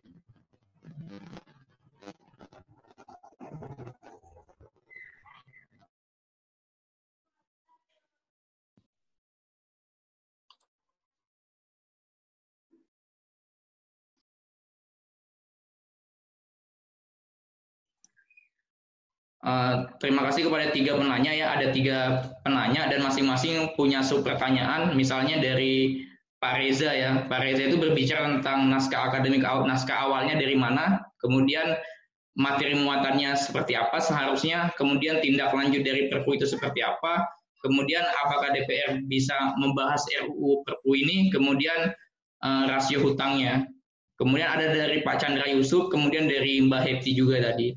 Eh, nanti akan dijawab sekaligus dari masing-masing narasumber mulai dari Pak Redi, kemudian Pak Mirdi, kemudian Pak Abrar.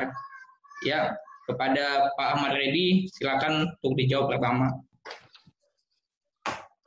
Oke, uh, terima kasih. Saya dulu ya. Oke, baik.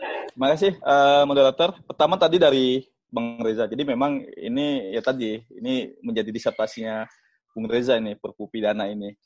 Uh, konteksnya adalah apakah bisa semua materi muatan dalam uh, itu bisa uh, menjadi materi muatan dalam perpu yang sesungguhnya. Uh, walaupun sebenarnya tadi Bung Reza mengatakan seperti pidana.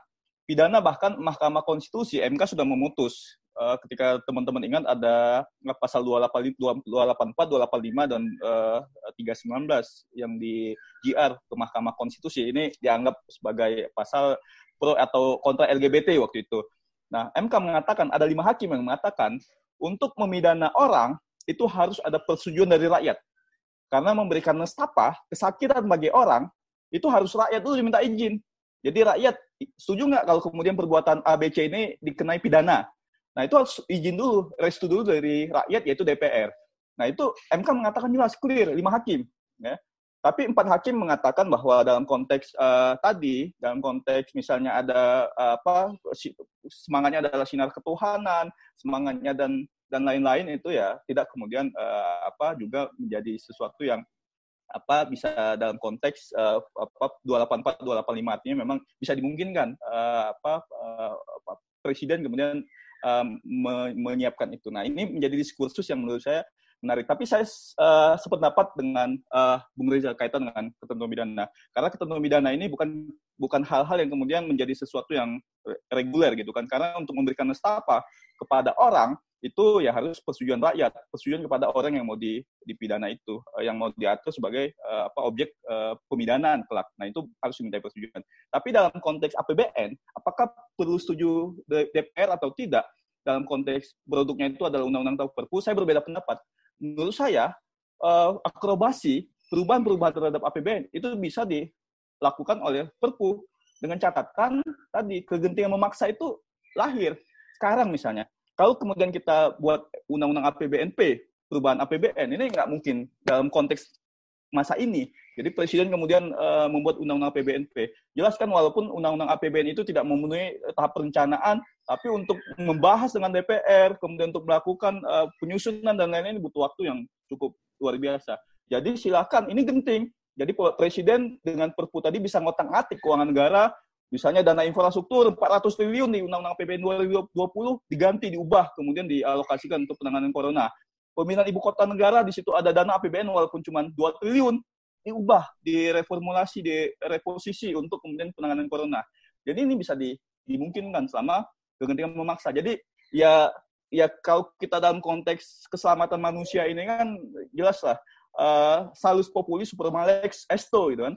Jadi dalam konteks perpu ini menurut saya bagian dari penyelamatan uh, apa hidup hajat hidup uh, manusia Indonesia. Itu yang, yang yang pertama. Kemudian kedua saya sepakat tadi dengan Bung Reza terkait postpartum. Sebenarnya Bung Reza ini harusnya yang bicara di sini. Tapi karena Bung Reza nggak bisa saya yang harus menggantikan sebenarnya. Jadi ini pembicara yang tertukar sebenarnya. Uh, harusnya Bung Reza kemarin masih oke okay, gitu kan tapi tiba-tiba jadi pendengar dulu ya. Sudah saya harus harus yang ganti. Terkait postpartum tadi betul. Jadi uh, postpartum itu bahwa sesuatu yang masih potensi apakah relevan untuk kemudian menjadi sebuah pengaturan dalam konteks uh, norma misalnya dalam konteks uh, hukum gitu kan? Nah Abrar mengatakan tadi lah ini masih masih ancaman apa terhadap perekonomian ancaman terhadap krisis kemudian ancaman terhadap stabilitas sistem keuangan ini dalam konteks ekonomi ini enggak juga. Lalu apa? Gitu kan kegentingannya sehingga kemudian menjadi makhluk bernama perpu nah ini menjadi soal. Kalau corona itu nggak udahlah. Itu bukan sesuatu yang diskusikan genting atau tidak genting. 1100 persen itu genting. Tapi kalau masalah ancaman krisis masalah stabilitas sistem keuangan menurut saya ini menjadi soal kalau ini dianggap genting. Itu dari uh, Pak Reza. Kemudian dari ayahanda Dokter Chandra M. Yusuf solusi ya tadi. Jadi saya kira kalaupun memang bisa solusinya adalah tadi perpu omnibus law terkait mengenai corona. Ya Perpu Omnibus Law Corona kira-kira. Nah, jadi nggak hanya APBN yang diotak-atik, tapi ingat fokusnya adalah APBN terkait apa uh, terkait mengenai uh, pencegahan dan penanggulangan corona. Pertama, undang APBN 2020 diotak-atik, ya alokasi dana yang kemudian dianggap bisa dipindahkan ke apa pencegahan dan penanggulangan corona itu bisa masuk. Kemudian yang kedua terkait mengenai undang-undang kesehatan dan karantinaan hewan. Karena di situ belum jelas pengaturan mengenai bagaimana uh, apa ketentuan lebih lanjut mengenai karantina wilayah dan PSBB itu belum jelas dan PP-nya belum uh, lahir baru lahir juga kemudian itu dianggap juga PP yang tidak tidak tepat sasaran. Jadi kira-kira gatalnya di kepala tapi digaruknya di pantat. Jadi salah sasaran. Harusnya kalau gatal di kepala garutnya di kepala. Ini gatalnya di kepala garutnya di apa di pantat. Ini juga menurut saya juga apa salah gitu kan dalam konteks uh, eh, PP-nya harusnya bisa saja ini masuk materi muatan uh, perpu saja dengan kemudian apa soal-soal penetapan karantina wilayah dan PSBB kemudian ketiga terkait mengenai apa uh, uh, masalah perdagangan sekarang kan kelangkaan dan lain-lain itu kan bisa uh, apa di undang-undang perdagangan kan itu mekanisme pasar. Lalu bagaimana kemudian negara mengendalikan itu? Itu juga bisa. Kemudian undang-undang tentang perhubungan, bagaimana kemudian lalu lintas, lalu lintas darat, laut, udara dan lain-lain. Ketika orang beramai-ramai nanti pulang lebaran, itu bagaimana kemudian ada kuasa negara pengatur mengatur mengenai tadi kaitan dengan transportasi darat, laut, udara, menghindari tadi uh, penyebaran corona. Banyak materi muatan yang dianggap sebagai apa uh, upaya untuk mencegah dan menanggulangi corona dengan berbagai macam uh, apa koreksi terhadap undang-undang. Kemudian happy tadi terkait mengenai uh, kenapa Perpu bukan Perpres. Ya tadi misalnya Happy sampaikan ada Perpres 3 tentang penanggulangan penyakit uh, zoonosis. Jadi zoonosis itu kira-kira ya penularan penyakit infeksi penyakit dari hewan binatang ke manusia sudah ada perpresnya. Nah saya kira uh, karena tadi happy yang akan diubah diubah dibongkar ini kan undang-undang APBN. Jadi untuk mengubah undang-undang APBN itu instrumennya cuma dua, undang-undang perubahan APBN atau Perpu.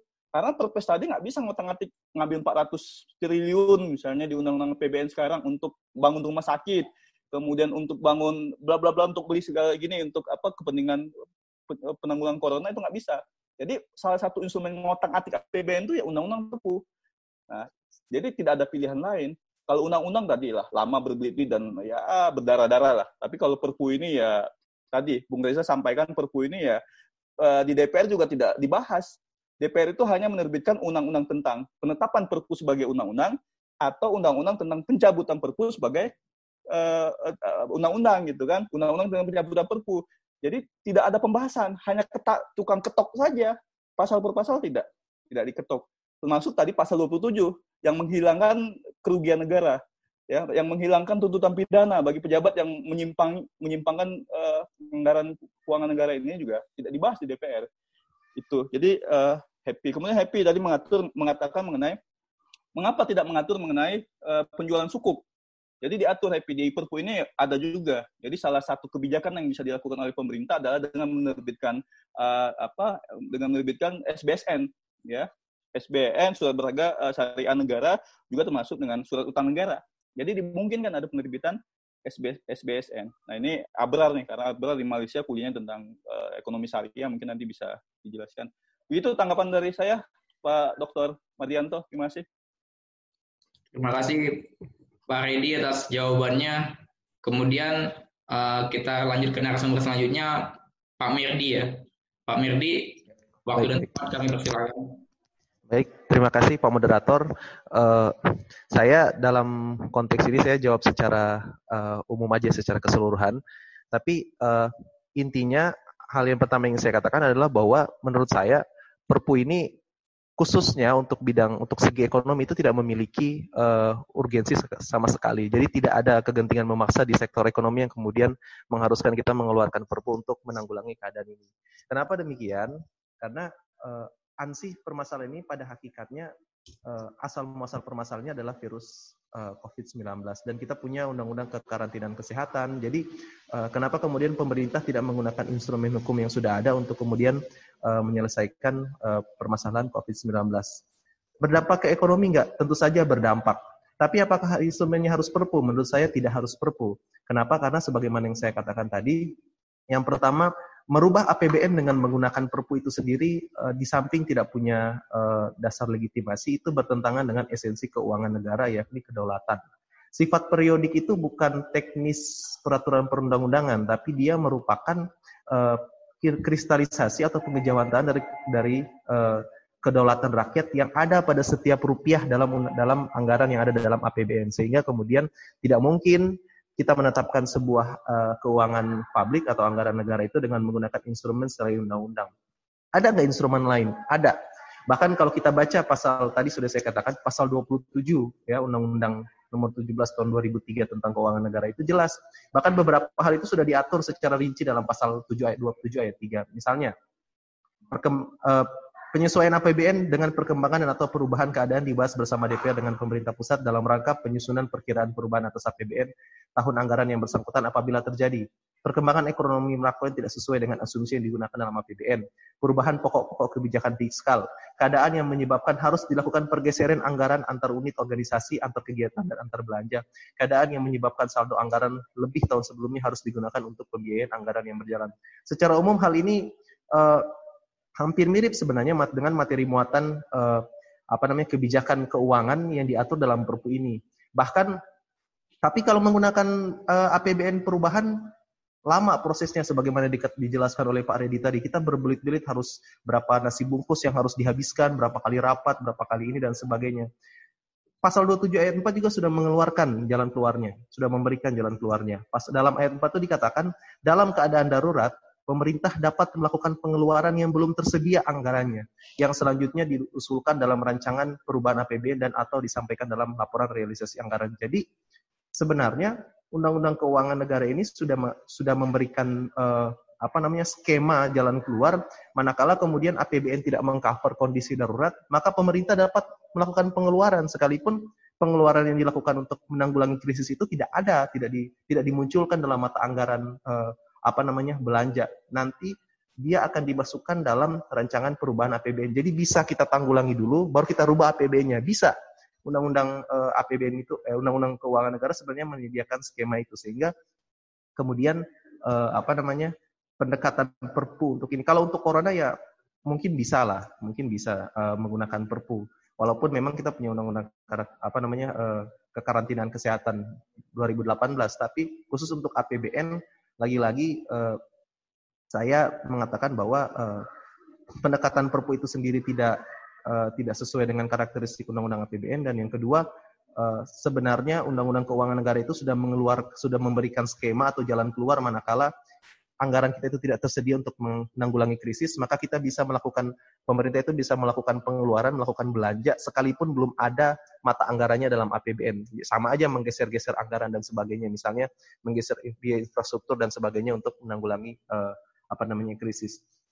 Karena uh, satu catatan saya terhadap apa namanya uh, Perpu ini yang paling penting sebenarnya adalah bahwa uh, diaturnya uh, apa namanya defisit anggaran melampaui tiga persen tanpa ada ada batas maksimal ini ini sebenarnya yang paling berbahaya khususnya untuk anggaran uh, ke depan ya sampai tahun 2022 yaitu kaitannya dengan uh, pinjaman luar negeri misalnya di mana tadi Bang Abra sudah menjelaskan secara komprehensif sehingga uh, bagaimanapun batas-batas uh, apa namanya terhadap pengelolaan keuangan negara itu penyusunan anggaran itu harus tetap diperhatikan agar uh, segi ekonomi dan segi hukum dalam dalam penyusunan anggaran negara itu bisa berjalan beriringan seperti itu.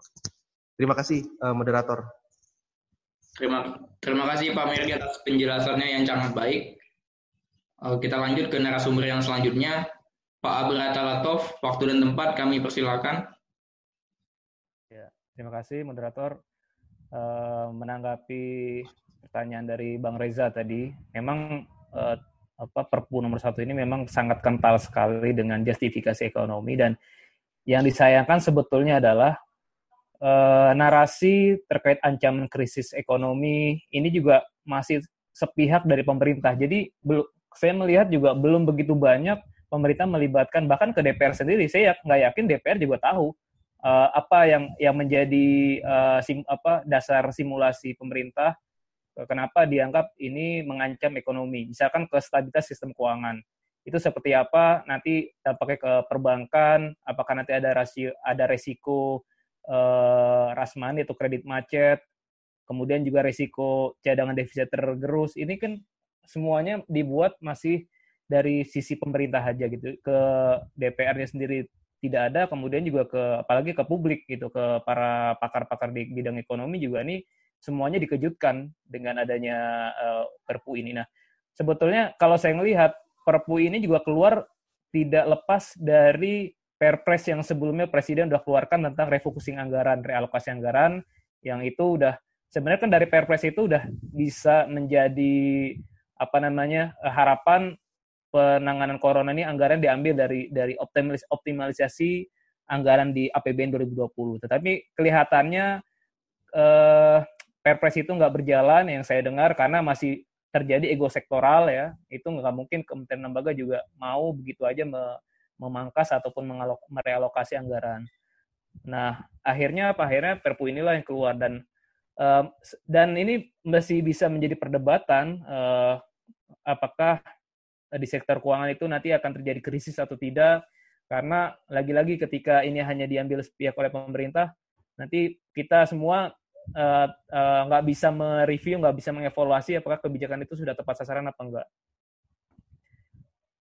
Nah, di dalam Perpu ini kan juga disebutkan di pasal 12 bahwa semua semua uh, apa klausul yang ada di, di dalam uh, pasal 2 sampai pasal 11 itu diatur nantinya dengan Perpres.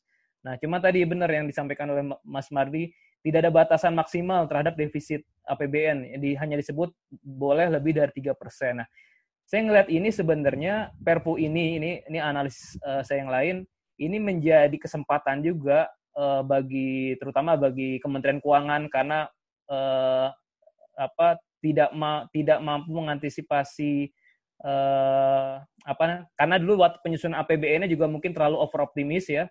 Jadi sebenarnya kesalahannya bukan bukan karena uh, COVID ini tapi memang kesalahan dari awal dulu di, di penyusunan APBN yang terlalu over optimis. Misalkan target penerimaan pajak yang tumbuh double digit padahal realisasi pajak 2019 lalu aja itu belum ada COVID, itu tumbuhnya cuma 1,3 persen. Realisasi penerimaan pajak tahun lalu itu cuma 86 persen, jadi ada 14 persen yang nggak tercapai. Itu di saat situasi belum ada terjadi COVID. Nah, saya melihat ini peningkatan defisit ini adalah eh, apa kamuflase untuk menutup menutup ketidakmampuan eh, Kementerian Keuangan ataupun pemerintah dalam me, apa, memperbaiki kualitas APBN kita, terutama dari sisi penerimaan. Tapi dari sisi belanja terus dipacu, tapi tidak bisa melihat kemampuan uh, penerimaan pajak kita. Nah, di tengah kemampuan pajak kita, rasio pajak rasio pajak terhadap PDB kita juga masih stagnan di level 11 persen, itu pemerintah justru jor-joran akan memberikan stimulus fiskal. Ini terjadi anomali. Itu bagaimana nanti resiko ke depan. Uh, uh, terkait nanti kan resik konsekuensinya kalau nanti APBN kita akan semakin digerus untuk membayar bunga utang ya karena konsekuensinya bunga utang akan semakin besar nanti belanja-belanja lain yang sifatnya untuk publik seperti subsidi kemudian belanja bantuan sosial pada akhirnya juga akan di, di apa dikorbankan kan belanja rutin lain belanja pegawai kemudian juga belanja gaji pegawai belanja transfer ke transfer ke daerah belanja mandatory spending kan itu nggak bisa dikurangin akhirnya yang akan dikurangin pada akhirnya adalah belanja untuk kepentingan publik, terutama subsidi, ya kemudian juga belanja bantuan sosial. Itu yang akan menjadi uh, pukulan keras buat publik ke depannya dari uh, imbas dari kebijakan jangka pendek ini. Kemudian uh, pertanyaan kedua dari Pak Chandra, apa langkah antisipatif jika ya ini Perpu ini juga sampai saat ini kan belum di di apa direstui oleh DPR ya masih mungkin ini jadi kesempatan juga buat kita memperbaiki Eh, kira-kira apa klausul-klausul yang masih bisa kita uh, rubah seperti tadi defisit APBN ya. Kalau bisa kita kita pack juga kita apa kasih batasan juga berapa maksimal. Jangan sampai nanti terlalu liar kemudian juga sampai tiga tahun itu nanti apa jaminannya? Di tahun 2024 seterusnya defisit kita kelihatannya nggak mungkin. Kita dari lima persen misalnya defisit tiba-tiba tahun berikutnya langsung dikurangi jadi tiga persen. Kan nanti istilahnya kalau kita udah nginjek uh, gas ya nginjek nginjek gas udah terlampau tinggi tiba-tiba kita rem mendadak mendadak juga itu punya implikasi ke ekonomi kita juga. Kemudian yang terakhir kenapa keuangan apa apakah tidak ada alternatif uh, dengan penjualan penjualan SBSN atau Sun di dalam Perpu ini sebetulnya juga diakomodir nah yang menarik sebetulnya uh, tanpa Perpu pun sebetulnya tahun lalu 2019 realisasi pembiayaan negara itu udah melebihi APBN. Kalau kita lihat laporan Menteri Keuangan, Kementerian Keuangan, itu realisasi pembiayaan utang tahun lalu itu 121 persen dari pagu APBN. Nah ini kan artinya uh, defi, bukan defisitnya, apa uh, pembiayaan utangnya udah bisa melebihi pagu itu pun dimungkinkan. Jadi nggak mesti dengan ada Perpu untuk bisa menambah pembiayaan utang gitu. Tapi tetap uh, patokannya adalah defisit di bawah 3%. Nah, ada beberapa pandangan juga dari para uh, ekonom uh, senior di Indef juga mengatakan bahwa kalau bisa defisit kita tuh benar-benar dijaga jangan sampai lebih dari 3%. Di bawah 3% uh, dengan cara mengoptimalkan uh, penyisiran anggaran di APBN 2020 juga. Dan juga yang ini juga mungkin uh, boleh dicari juga oleh teman-teman, uh, Bang Redi juga, apakah kebijakan Perpu yang memberikan imunitas hukum kepada polisi maker itu punya presiden juga di negara lain? Kan e, pemerintah ini merujuk nih dalam Perpu ini bahwa negara-negara lain juga melakukan stimulus besar-besaran buat sektor keuangan, sektor industrinya sangat besar, lebih dari 5% terhadap PDB. Kita masih kecil, tapi apakah aturan-aturan stimulus yang dikeluarkan oleh negara-negara itu di negara baju juga memberikan uh, imunitas hukum terhadap para policy maker gitu. Itu juga bisa menjadi itu menjadi benchmark kita bahwa ketika di sana ternyata tetap aturan hukum itu dijaga, tidak ada uh, apa namanya, tidak ada uh, imunitas buat policy maker ya, artinya kita membuat kebijakan yang berbeda sendiri. Nah ini juga mungkin menarik juga kalau kita bisa melihat best practice uh, terkait dengan stimulus uh, fiskal kita ke industri di sektor keuangan. Dari saya itu dulu. Terima kasih Pak Abra penjelasannya. Kita lanjut ke sesi pertanyaan yang kedua. Yang mau bertanya silakan angkat tangannya. Ada Dr. Ibnu Sina satu.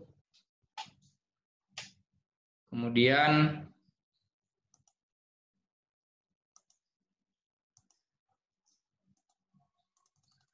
Kemudian ada Pak Reza lagi ya. Ya mungkin ini sesi pertanyaan terakhir sekaligus closing statement ya dari narasumber kepada masing-masing penanya mulai dari Pak Dokter. Ada Fitri Novia, ada Nov, Fitri Novia bertanya itu. Oh iya, ada ada Fitri Novia satu ya. Ya ya ada Fitri Novia satu. Jadi ada tiga ya, ada tiga. Silakan mulai dari Dr. Ibnu Sina, dilanjutkan dengan Pak Reza, kemudian dari Mbak, ya dari Mbak yang satu lagi. Silakan, Dr. Inusina, waktu dan tempat. Baik, Bismillahirrahmanirrahim. Assalamualaikum warahmatullahi wabarakatuh. Uh, salam bagi saudara-saudara sekalian, semoga sehat selalu. Uh, ada hal yang kemudian hendak ingin saya utarakan sekaligus nanti pada akhirnya bertanya. Pertama ialah uh, ada hal yang kemudian uh, saya coba ingin sampaikan saya dekatkan dengan dengan doktrin keadaan darurat bahwa uh, secara uh, konsep keadaan darurat itu memang ada dua bentuk. Satu keadaan darurat yang membahaya, membahayakan keutuhan negara dan satu lagi keadaan darurat yang membahayakan uh, umat manusia. Kalau membahayakan kedaulatan membahayakan keberadaan negara, eksistensi negara, maka kita pahami dengan maksim salus populi suprema lex bahwa uh, kepentingan umum adalah hukum tertinggi. Sedangkan ketika kedaruratan itu karena membahayakan umat manusia, maka berlakulah maksim uh, salus populi suprema lex esto tadi Pak uh, Ahmad Teddy sudah sampaikan. Sehingga sebetulnya hukum dalam keadaan darurat itu setidaknya ada dua bentuk. Satu keadaan darurat untuk merespon yang pertama demi kepentingan umum, yang kemudian berelevansi dengan uh, perpu yang mungkin seperti saat ini ada, dia bicara soal prospektif dan juga asumsi-asumsi dan spekulasi yang mungkin muncul di ekonomi. Satu lagi adalah perpu yang harusnya lahir untuk merespon bagaimana menjaga eksistensi umat manusia di negara tersebut.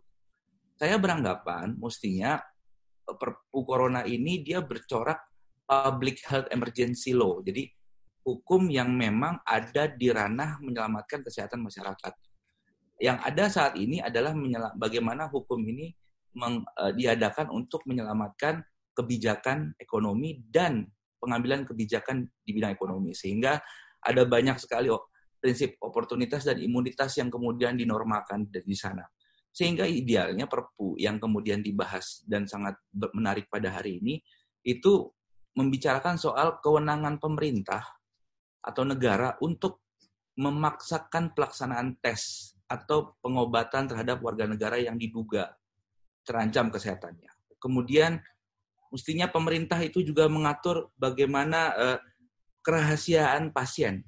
Jadi kerahasiaan pasien itu dijaga oleh pemerintah, tapi juga pemerintah punya hak untuk mengetahui uh, uh, interaksinya dan bagaimana pribadi kehidupannya selama berapa hari terkait dengan penularan.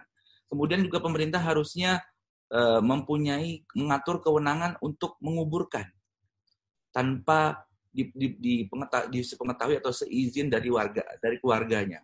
Kemudian pemerintah juga harusnya mengatur dalam Perpu tentang bagaimana meng, me, menggunakan uh, menggunakan apa namanya gedung-gedung atau tempat-tempat privat untuk dijadikan tempat isolasi atau karantina.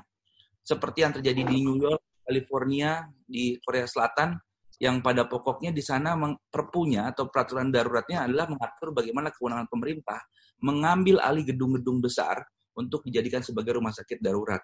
Kemudian adalah yang paling penting adalah inisiasi mempercepat eh, mem memaksa hak asasi manusia atau mengambil hak asasi manusia untuk mempercepat, mencoba bahkan menguji uh, calon obat atau vaksin yang akan digunakan. Nah, doktrin tentang public health emergency ini seharusnya menjadi cerminan perpu kita. Yang terjadi adalah sebaliknya. Perpu kita ini mengatur dua hal yang sifatnya selalu populis suprema lex bukan lex esto. Jadi pertanyaannya nih kepada para pembicara. Sekarang Mahkamah Konstitusi kan sedang tutup. Mahkamah Agung terus bekerja. Mungkin tidak ketika wabah ini yang kemudian tidak ada yang bisa memastikan kapan selesainya, kemudian Mahkamah Konstitusi demi kewajiban konstitusional yang harus terbuka dan kembali terbuka digugat perpunya dan batal karena asumsi doktrin yang tadi saya sampaikan. Mungkin itu sebagai sebuah pertanyaan. Bila bisa bilhak. Wassalamualaikum warahmatullahi wabarakatuh. Terima kasih Pak Ibnu Sina. Kita catat pertanyaannya. Kemudian penanya selanjutnya kembali ke Pak Reza, ya, Reza Fikri. Waktu dan tempat yang persilakan. Hmm, ya, uh, terima kasih uh, Pak Moderator. Jadi kalau saya ikuti diskusi kita ini, nampaknya ada kesepahaman ya bahwa ada dua materi besar kalau kita dari judul Perpu ini. Ada yang untuk corona dan ada yang bukan hanya untuk corona. Nah, yang untuk corona menurut saya memang genting. Tapi untuk keperluan-keperluan ekonomi lainnya, ini gradasinya menurut saya masih di level was-was. Belum genting. Nah, sehingga tadi soal post factum, nah ini dipertanyaan apakah memang keperluan-keperluan lain soal imunitas, soal ada ancaman pidana di dalamnya, dan mencabut beberapa pasal uh, secara omnibus di pasal 28. Nah ini hal-hal yang sebetulnya menurut saya gradasi kedaruratannya masih was-was menurut saya, belum genting. Sehingga memang ada keperluan atau soal lain selain corona dalam uh, perpu ini. Nah, kemudian dalam konsep uh, kedaruratan ya menurut saya penting juga soal kalau dalam Islam itu ya sependek pengetahuan saya dalam konsep daruroh itu ada juga dawabit, ada juga batasan. Kita boleh memakan bangkai manusia, tetapi kalau ada alternatif lain, kita masih makan bangkai, masih memilih makan bangkai manusia, ah ini bukan lagi darurat, tetapi doyan. Nah, ini satu Sumanto ya atau batasan ini yang yang perlu kita uh, carikan jalan keluar. Dan uh, saya yakin semua pihak tahu ya konsekuensi hukum dari Perpu ini pemerintah, DPR dan semua di sini saya lihat ada Bung Victor nih pengacara konstitusional lawyer. Nah ini uh, bisa disetujui DPR tapi tidak dibahas ya karena DPR secara konstitusional hanya memberikan atau tidak memberikan persetujuan, tidak membahas seperti RUU disetujui DPR atau dicabut karena kedaruratannya dianggap sudah berakhir, RU pencabutannya bisa diinisiasi presiden atau DPR misalnya, atau e, bisa juga e, berakhir nasibnya di Mahkamah Konstitusi, tidak selalu harus dikabulkan permohonan, tetapi mungkin penting juga e, kita tahu ada constitutional question ya, pertanyaan-pertanyaan konstitusional boleh jadi putusan ditolak misalnya, tetapi beberapa pertanyaan konstitusional terjawab. Misalnya apakah Perpu boleh mengatur, menetapkan atau mengubah APBN secara sepihak misalnya. Satu. Kemudian eh, lalu jalan keluarnya bagaimana sih secara konstitusional kalau kemudian eh, kegentingan memaksa terpenuhi, tetapi kita ingin mengubah APBN misalnya. Nah, sehingga eh, MK ya ke depan itu mungkin ada perkembangan apakah MK itu bisa menguji sebuah konteks dari undang-undang. Nah, di sini ada guru saya Dr. Ilham tuh, filsafat hermeneutik ya. Itu harusnya bisa memberikan pandangan itu. Selama ini kita yang banyak lazim dilakukan menguji teks, menguji prosedur, pembentukan undang-undang, tetapi menguji konteks-konteks. Nah, ada konteks uh, spesifik soal ekonomi misalnya. Nah, supaya jelas ini bareng. Nanti ke depannya bisa jadi pengalaman kita momentum ketatanegaraan ini apakah dalam situasi darurat bagaimana DPR tidak bisa bersidang secara efektif misalnya bagaimana kalau kita mau mengubah eh, postur keuangan negara begitu. Nah, itu mungkin hal-hal yang um, apa sumbangan pemikiran dari uh, saya ya untuk uh, apa uh, masa depan bangsa ini. Makasih Pak moderator dan Ibu Bapak sekalian. Assalamualaikum warahmatullahi wabarakatuh. Terima kasih Pak Reza.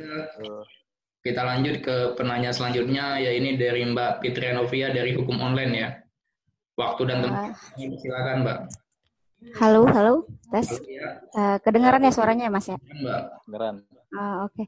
uh, selamat siang semuanya. Ini sepertinya banyak dosen-dosen uh, uh, pakar hukum di sini, jadi mungkin bisa sekalian uh, diberi masukan juga terkait uh, Pak uh, Yusuf sama Pak Ibnu Sina tadi, terus ada Pak Reza juga uh, Mas Ahmad Redi ini uh, narasumber favorit saya ini. Biasanya saya sering wawancara. Oke, okay. ya, uh, pertama saya mau tanya ke Mas Abra dulu. Mas, ini kan dari ketiga pembicara tadi saya tangkap bahwa sebenarnya kondisi ekonomi Indonesia ini nggak bisa dikatakan krisis gitu. Sementara kalau kita lihat dari uh, apa uh, press release yang diberikan oleh uh, Kementerian Keuangan itu memberikan gambaran atau setidaknya uh, apa uh, kok menggambarkan kondisi bahwa Indonesia ini uh, sedang menuju ke uh, resesi seperti itu. Itu adalah uh, skenario terburuknya seperti itu. Nah, kalau Mas Abra sendiri melihatnya seperti apa sih uh, ekonomi Indonesia di tengah corona ini? Karena memang ada beberapa fakta PHK terjadi di uh, beberapa industri, misalnya itu pariwisata atau manufaktur gitu. Apakah itu tidak menjadi salah satu apa satu salah satu apa tanda kutip uh, gejala-gejala bahwa Indonesia bisa menuju krisis kalau misalnya negara tidak mengambil alih secepatnya seperti itu. Itu untuk Mas Abra. Terus untuk Mas uh, Merdiansa sama Pak Ahmad uh, Redi mungkin bisa dijelaskan tadi menarik soal uh, pasal 27 uh, Undang-Undang Keuangan Negara.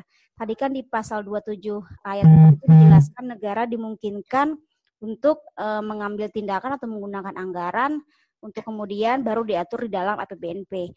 Nah, mungkin bisa dijelaskan nggak nih, uh, terutama kepada Pak Ahmad Redi, sebenarnya Bagaimana sih maksud pasal itu? Apakah pemerintah boleh menggunakan anggaran dulu? Yaudah nih kondisinya krisis, saya saya alihkan dulu anggaran untuknya corona. Nanti baru setelah situasi e, mereda, baru kita cantumkan atau kita ubah di APBNP atau seperti apa? Karena kemarin Bu Menteri sendiri juga mengatakan bahwa untuk merubah APBNP, APBNP atau untuk memindahkan anggaran yang sebelumnya sudah diatur di dalam APBNP ke pos lain itu harus membutuhkan uh, dasar hukum. Jadi tidak bisa kita menggunakan uh, langsung saja. Itu sih statementnya dari Ibu Menteri uh, Keuangan. Kalaupun misalnya dimungkinkan, mana sih kekuatan hukumnya yang lebih kuat Perpu ataukah kita menggunakan Undang-Undang Keuangan Negara? Mungkin cukup sekian dulu. Terima kasih dari saya. Iya, terima kasih sudah ada tiga pertanyaan ya. Mungkin ini sudah mendekati dua jam sekaligus closing statement dari tiga narasumber uh, jawaban akan dijawab mulai dari Pak Abra, kemudian de, Pak Mirdi, kemudian Pak Ahmad Redi. Kepada Pak Abra, waktu dan tempat kami persilakan untuk menjawab semua pertanyaan.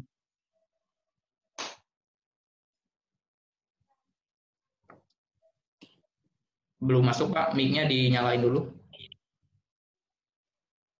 Ya, terima kasih. Saya akan coba menjawab fokus uh, terkait dengan urgensi Perpu 1 ini dengan narasi ekonomi. Nah, ini yang uh, saya bilang tadi ini masih layak untuk diperdebatkan karena ketika uh, narasi yang pemerintah kembangkan bahwa ini nanti akan mengarah kepada situasi krisis ya dan juga resesi bahwa dan juga dengan dengan hasil simulasi yang pemerintah sudah buat apakah memang satu-satunya jalan dengan Perpu dan juga yang perlu kita perdebatkan adalah isi dari Perpu itu. Karena kalau uh, saya melihat ini juga sangat tergantung siapa tadi ini pertanyaan Mas Reza siapa sih inisiator yang menyusun uh, apa stimulus-stimulus di dalam Perpu itu. Karena kan beratnya itu kalau yang saya lihat lebih banyak untuk kan korporasi 150 triliun untuk dana dana apa namanya perlindungan resiko ekonomi itu itu juga belum kita belum sama sekali masih buta itu nanti bentuknya kayak apa yang yang uh, dari recovery bond atau pandemic bond itu nanti ke siapa saja terus kemudian mekanisme nanti pemberian uh, pinjaman berapa lama itu itu sama sekali kita masih buta. Nah, sisi lain kalau buat uh, UMKM misalnya, itu UMKM mereka tidak diberikan uh, bantuan kredit, tapi hanya diberikan penangguhan, penangguhan utang selama satu tahun. Kemudian juga yang uh, apa di lembaga pembiayaan yang uh, ojek online misalnya dapetin uh, keringanan pelonggaran kredit, mereka kan semuanya itu bukan sifatnya bukan pemberian uh, bantuan dari pemerintah, baik itu PPH badan kalau ini langsung insentifnya langsung ke korporasi. Tapi yang kelompok-kelompok UMKM atau yang bawah atau masyarakat itu mereka nggak dapat stimulus langsung. Jadi ini ada dimensi diskriminasi eh, apa regulasi buat masyarakat yang yang korporasi dapat insentif langsung ya berupa pengurangan pajak maupun pemberian kredit. Tapi kalau yang bawah hanya bentuknya eh, penundaan gitu. Kewajiban tetap melekat ke mereka. Kemudian juga bantuan-bantuan subsidi itu kan juga eh, juga nggak tegas bagaimana nanti mekanisme pemberiannya, siapa aja yang bisa dapat mekanisme pengaduan masyarakat yang belum terdata. Apalagi sekarang pasti nggak mungkin untuk mendata dalam waktu dekat. Nah, kita lagi-lagi jangan uh, apa jangan sampai nanti aturan ini digunakan uh, untuk hanya kepentingan kelompok tertentu ya uh, dan akhirnya nanti implikasinya yang yang implikasinya inilah yang nggak pernah dimuat oleh pemerintah kalau defisitnya dalam tiga tahun melebar jadi lima persen, nanti konsekuensinya APBN berikutnya apa? Belanja apa yang harus dipangkas? Belanja mana yang harus dikorbankan? Itu nggak ada dalam dalam pemerintah memberikan apa penjelasan. Nah, akhirnya kan nanti di tahun 2023 lah eh, masyarakat lalu DPR akan bertarung memperebutkan alokasi APBN yang semakin pastinya akan semakin terbatas uh, uh, apa ruang fiskalnya itu. Kemudian uh, yang terakhir lagi sih, yang terakhir mungkin, halo. Ya, yang terakhir terkait dengan uh, apa? Dengan KSSK ya.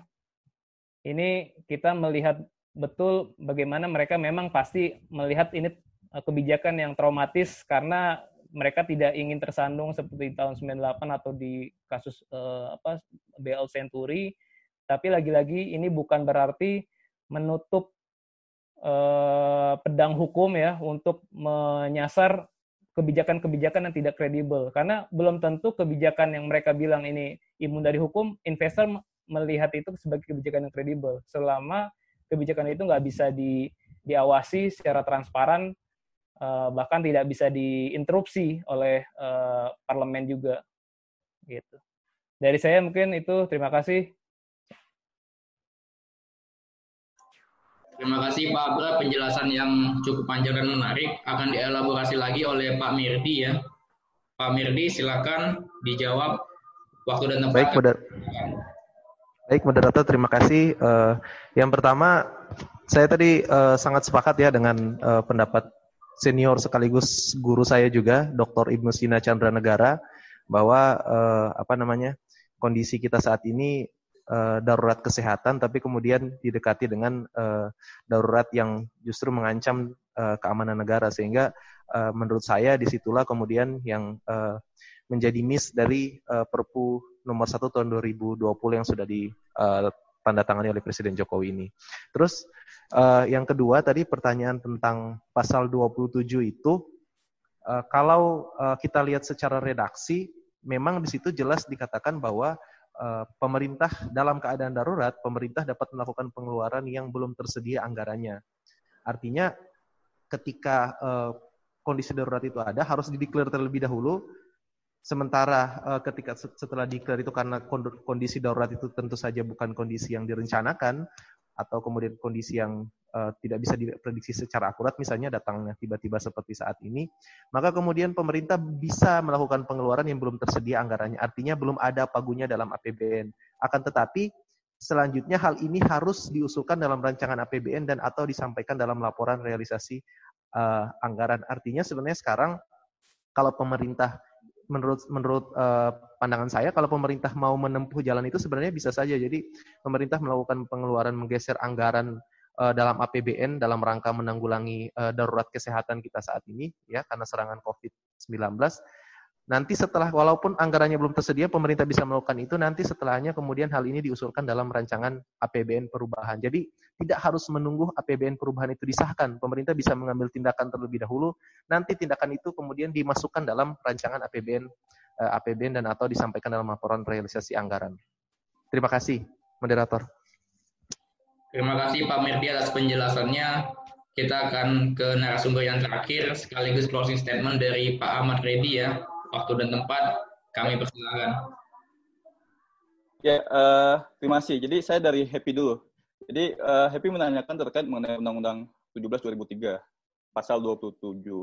Jadi kalau kita lihat konstruksi pasal 27 ini paparnya bisa kelihatan kan? Bisa ya? Bisa Pak, kelihatan Pak. Halo, bisa. Ya, pasal 27 nih. Coba kita kita bicara mengenai uh, apa yang tertulis di pasal 27. Pasal 27 ayat 1 Undang-Undang 17 2003 mengatakan bahwa pemerintah pusat menyusun laporan realisasi semester pertama PBN dan prognosis. Prognosis itu prediksi ya. Ini sebenarnya bahasa medis nih. Prognosis atau prediksi untuk enam bulan berikutnya. Jadi ayat pertama itu bicara mengenai pemerintah menyusun laporan realisasi semester pertama. Nah, laporan semester pertama tadi itu disampaikan kepada DPR selambat-lambatnya pada Juli. Eh, sekarang kan masih bulan Maret. Juli, Juli baru bisa disampaikan ke DPR tahun yang bersangkutan untuk dibahas antara pemerintah dan DPR. Ya. Nah, anggaran yang bulan Juli tadi, ya, itu bisa disesuaikan. Nah, penyesuaian itu dalam hal apa saja, ya. Jadi bisa disesuaikan anggaran yang uh, reguler itu bisa disesuaikan, bisa diubah, ya. Bahasanya itu bisa diubah. Dalam hal apa saja bisa diubah. Satu, perkembangan ekonomi makro. Kedua, perubahan pokok-pokok kebijakan fiskal. Ketiga, keadaan yang menyebabkan harus dilakukan pergeseran anggaran ya antar unit organisasi dan seterusnya. Kemudian keadaan yang menyebabkan saldo anggaran. Jadi prinsipnya PBN itu itu laporannya dan prognosisnya harus dilapor, dilaporkan uh, satu semester ke DPR. Nah, pada bulan Juli itu dibahas antara pemerintah dan DPR. Nah, ketika dibahas tadi itu bisa disesuaikan. Apa saja yang bisa disesuaikan di APBN yang belum diubah tadi untuk diubah? Ini A, B, C, D. Nah, ayat 4 dalam keadaan darurat pemerintah dapat melakukan pengeluaran yang belum tersedia anggarannya dalam keadaan darurat ya.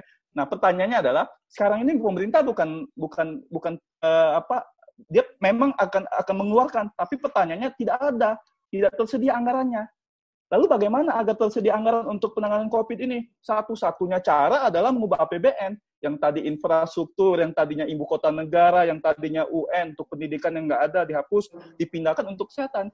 Nah, kalau uangnya ada nih, pemerintah uangnya ada nih, tapi kemudian belum dianggarkan APBN, silakan dipakai. Masalahnya ini ada duitnya.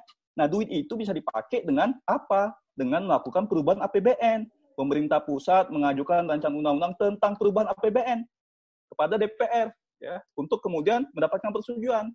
Jadi eh, apa yang tadi disampaikan oleh oleh Merdi misalnya bahwa pasal 27 ini pemerintah ya itu dalam keadaan pemerintah ada duitnya.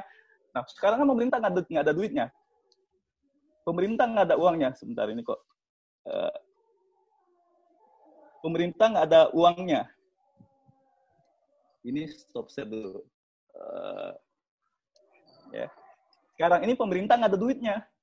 Itu yang kemudian cara untuk mengubah duitnya itu adalah mengubah PBN. Nah, pasal 27 ayat 5 tadi, ayat 4 tadi itu bicara mengenai kedaruratan bisa menggunakan uang yang belum dianggarkan APBN selama uangnya sudah ada. Nah, ini uang yang ada. Satu-satunya cara adalah mengubah APBN yang tadinya itu misalnya ada berapa puluh triliun untuk pindah ibu apa eh, infrastruktur dipakai untuk kemudian uh, kompensasi misalnya. Untuk tadi jaminan kesehatan dan lain-lain. Untuk kemudian kaitan dengan uh, pengembangan UKM dan lain-lain. Jadi itu bisa di, dilakukan. Jadi betul kata Bu Sri Mulyani satu-satunya akrobat yang bisa dilakukan oleh pemerintah untuk ngotak-atik APBN yang tadinya apa pagu anggarannya untuk A dipindahkan untuk corona itu dengan APBNP. Nah, APBNP ini kan tadi baru bulan Juli bisa dibahas. Kemudian setelah dibahas ini ada proses paling nggak ya akhir tahun bisa bisa ada rancangan undang-undang tentang APBNP. Padahal ini sudah genting. Nah, satu-satunya cara adalah perpu untuk ngotak-ngatik APBN. Kalau tidak ada perpu, tidak ada uangnya, selesai republik ini. Duit dari mana gitu kan? Untuk bangun rumah sakit, untuk kemudian beli obat, untuk kemudian melakukan isolasi dan lain-lain. Jadi itu uh, apa Fitri terkait mengenai Perpu. Nah, pertanyaan kedua adalah lalu bagaimana kekuatan antara undang-undang negara dan Perpu? Ya Perpu ini kan nanti itu kan menjadi undang-undang. Ketika menjadi undang-undang, Ya apalagi Perpu ini juga menurut Undang-Undang 12 2011 ya dia setara dengan undang-undang. Jadi ya, dan juga ada azas uh, lex post priori lex priori bahwa Perpu yang undang-undang uh, yang lahir belakangan ini itu kemudian menyimpangi undang-undang keuangan negara. Jadi Perpu ini yang bisa di, digunakan. Itu ya uh, kaitan dengan uh, Mbak Fitri tadi. Kemudian kaitan dengan Bung Reza. Jadi betul di awal kita kita sudah sampaikan bahwa yang genting itu hanya soal APBN. Yang masalah krisis, yang masalah stabilitas sistem keuangan ini itu belum genting nih. Jadi kalau Bung Reza tadi mengatakan bahwa status bencana itu ada mulai dari normal, setelah normal itu ada waspada, setelah waspada ada siaga, setelah siaga baru awas. Yang awas, yang warning ini hanya masalah APBN untuk corona. Yang lain-lain itu masih jangan-jangan masih normal ini. Atau kalaupun udah agak nggak normal dia naik ke status selanjutnya ya baru baru baru siaga ya belum waspada belum awas tapi tiba-tiba kemudian menurut saya ini ditumpangi jadi adanya penumpang uh, penumpang norma yang kemudian menurut saya uh, bukan ini jangan juga kemudian mengambil momentum ya kan sesuatu yang kemudian untuk memenuhi kebutuhan hukum pemerintah saat ini untuk tadi yang disampaikan oleh Abrar, apa sih relevansinya mengubah defisit anggaran di atas tiga persen? Padahal APBN itu punya karakter tiga dia. Dia lex stricta, lex scripta, dan lex serta. Jadi APBN itu harus jelas lex eh, serta dia. Kalau tiga persen itu tiga persen, kalau empat persen itu sembilan persen. Ini di atas tiga persen. Jadi ini nggak lex serta, nggak jelas ini, nggak memenuhi kadar lex sertanya sebuah undang-undang APBN. Padahal semua semua angka di APBN itu jelas. Proyeksi harga minyak dunia misalnya 65 ribu 65 barel uh, 65 dolar. Kemudian uh, pertumbuhan ekonomi 5,2 persen. Kemudian defisit anggaran 3 persen PDB itu angka-angka pasti semua. Walaupun dia masih prognosis, masih sebuah asumsi, tapi jelas angkanya. Lah ini dibuat di atas 3 persen. Ya, bagaimana kemudian nanti misalnya tiba-tiba 5 persen, tiba-tiba 7 persen di APBN 2023 tadi Abra sampaikan defisitnya itu iya diturun jadi tiga persen. Nah ini juga akhirnya membuat kekacauan ekonomi lainnya. Itu tanggapan dari dari terkait Bung Reza. Dan satu lagi, saya ingat Bung Reza ini ingat bahwa Presiden Soekarno itu pernah membubarkan DPR, ya, pernah membubarkan DPR karena DPR itu menolak RAPB-nya Soekarno. Jadi Bung Karno ketika Presiden tahun 56 eh, itu 356 dia mengajukan rancangan APBN ke DPR tapi DPR menolak. Kemudian dibubarkan oleh Presiden Soekarno, diganti dengan DPR GR. Ya, karena Soekarno menganggap anggaran ini sangat strategis. Ya, walaupun tadi uh, oleh DPR ditolak, bahkan DPR-nya yang dibubarkan. Jadi betapa kemudian uh, bicara mengenai keuangan negara untuk kepentingan kegentingan rakyat, menurut saya nggak bisa ditawar-tawar lagi, ya nggak bisa ditawar-tawar lagi. Dan Perpu itu menjadi ideal ya terkait mengenai Perpu pencegahan dan penanggulangan corona. Tapi bicara mengenai krisis ekonomi terkait mengenai tadi apa stabilitas sistem keuangan menurut saya belum kadar kata kurang jadi belum kadar awas, masih waspada atau jangan-jangan masih normal. Itu dari saya terkait mengenai uh, pertanyaan Reza. Kemudian Bung Ibnu Sina. Ini bagaimana nih? Uh, ini MK tutup nih, ya. Ini dari siapa nih yang nge-share? Dari Asus. Asus tolong uh, ada di, di di stop dulu share materinya. Oke, saya lanjutkan. Tadi Bung Ibnu Sina, Profesor Ibnu Sina mengatakan bagaimana nih ketika MK tutup, tiba-tiba Perpu ini diketok menjadi undang-undang, tiba Bung Victor gugat ke Mahkamah Konstitusi. Ya, karena berdasarkan diskusi ini, wah, Perpu undang-undang tentang penetapan Perpu 1 2020 ini melanggar pasal 23 Undang-Undang Dasar terkait bab keuangan negara, melanggar pasal 1 ayat 2 ya terkait kedaulatan rakyat dan lain-lain digugat oleh Bung Victor ke Mahkamah Konstitusi. Ya, Bung Victor secara online memang bisa daftar, tapi nggak bisa sidang karena MK tutup. Nah, ini juga jadi soal nih.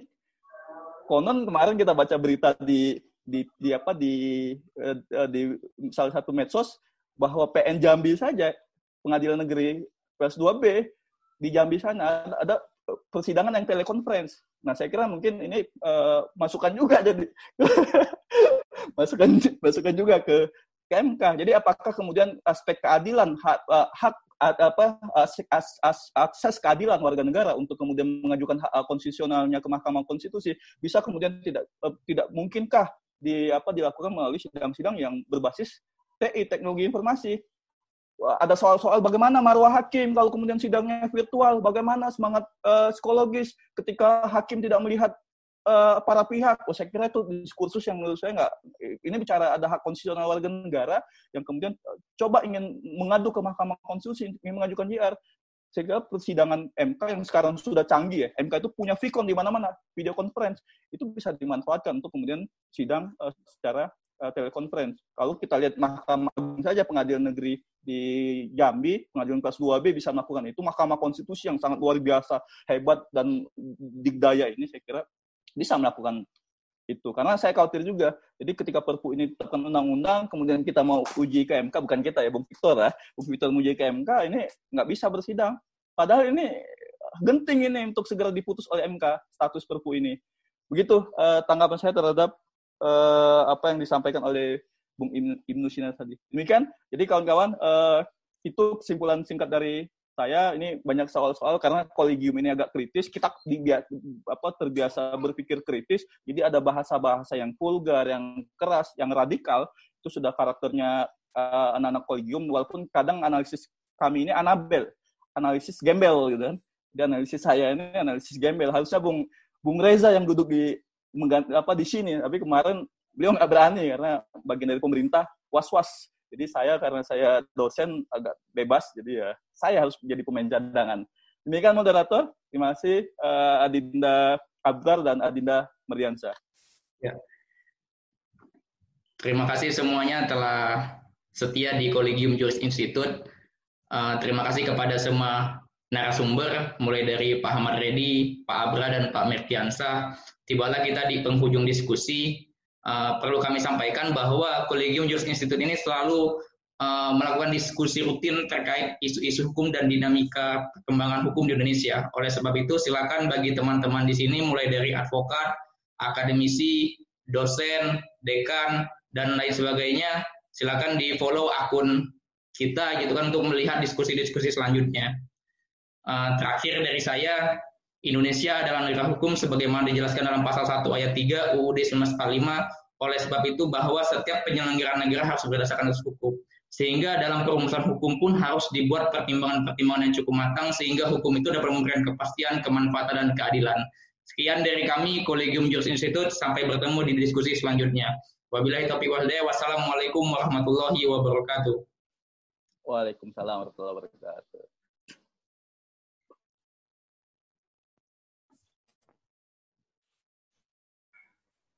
Lah, ini baru nongol. Enggak bersuara. Itu itu itu dalangnya tuh. Iya, dalangnya enggak bersuara. Personil pengendali. Direkam semua nggak, Mar?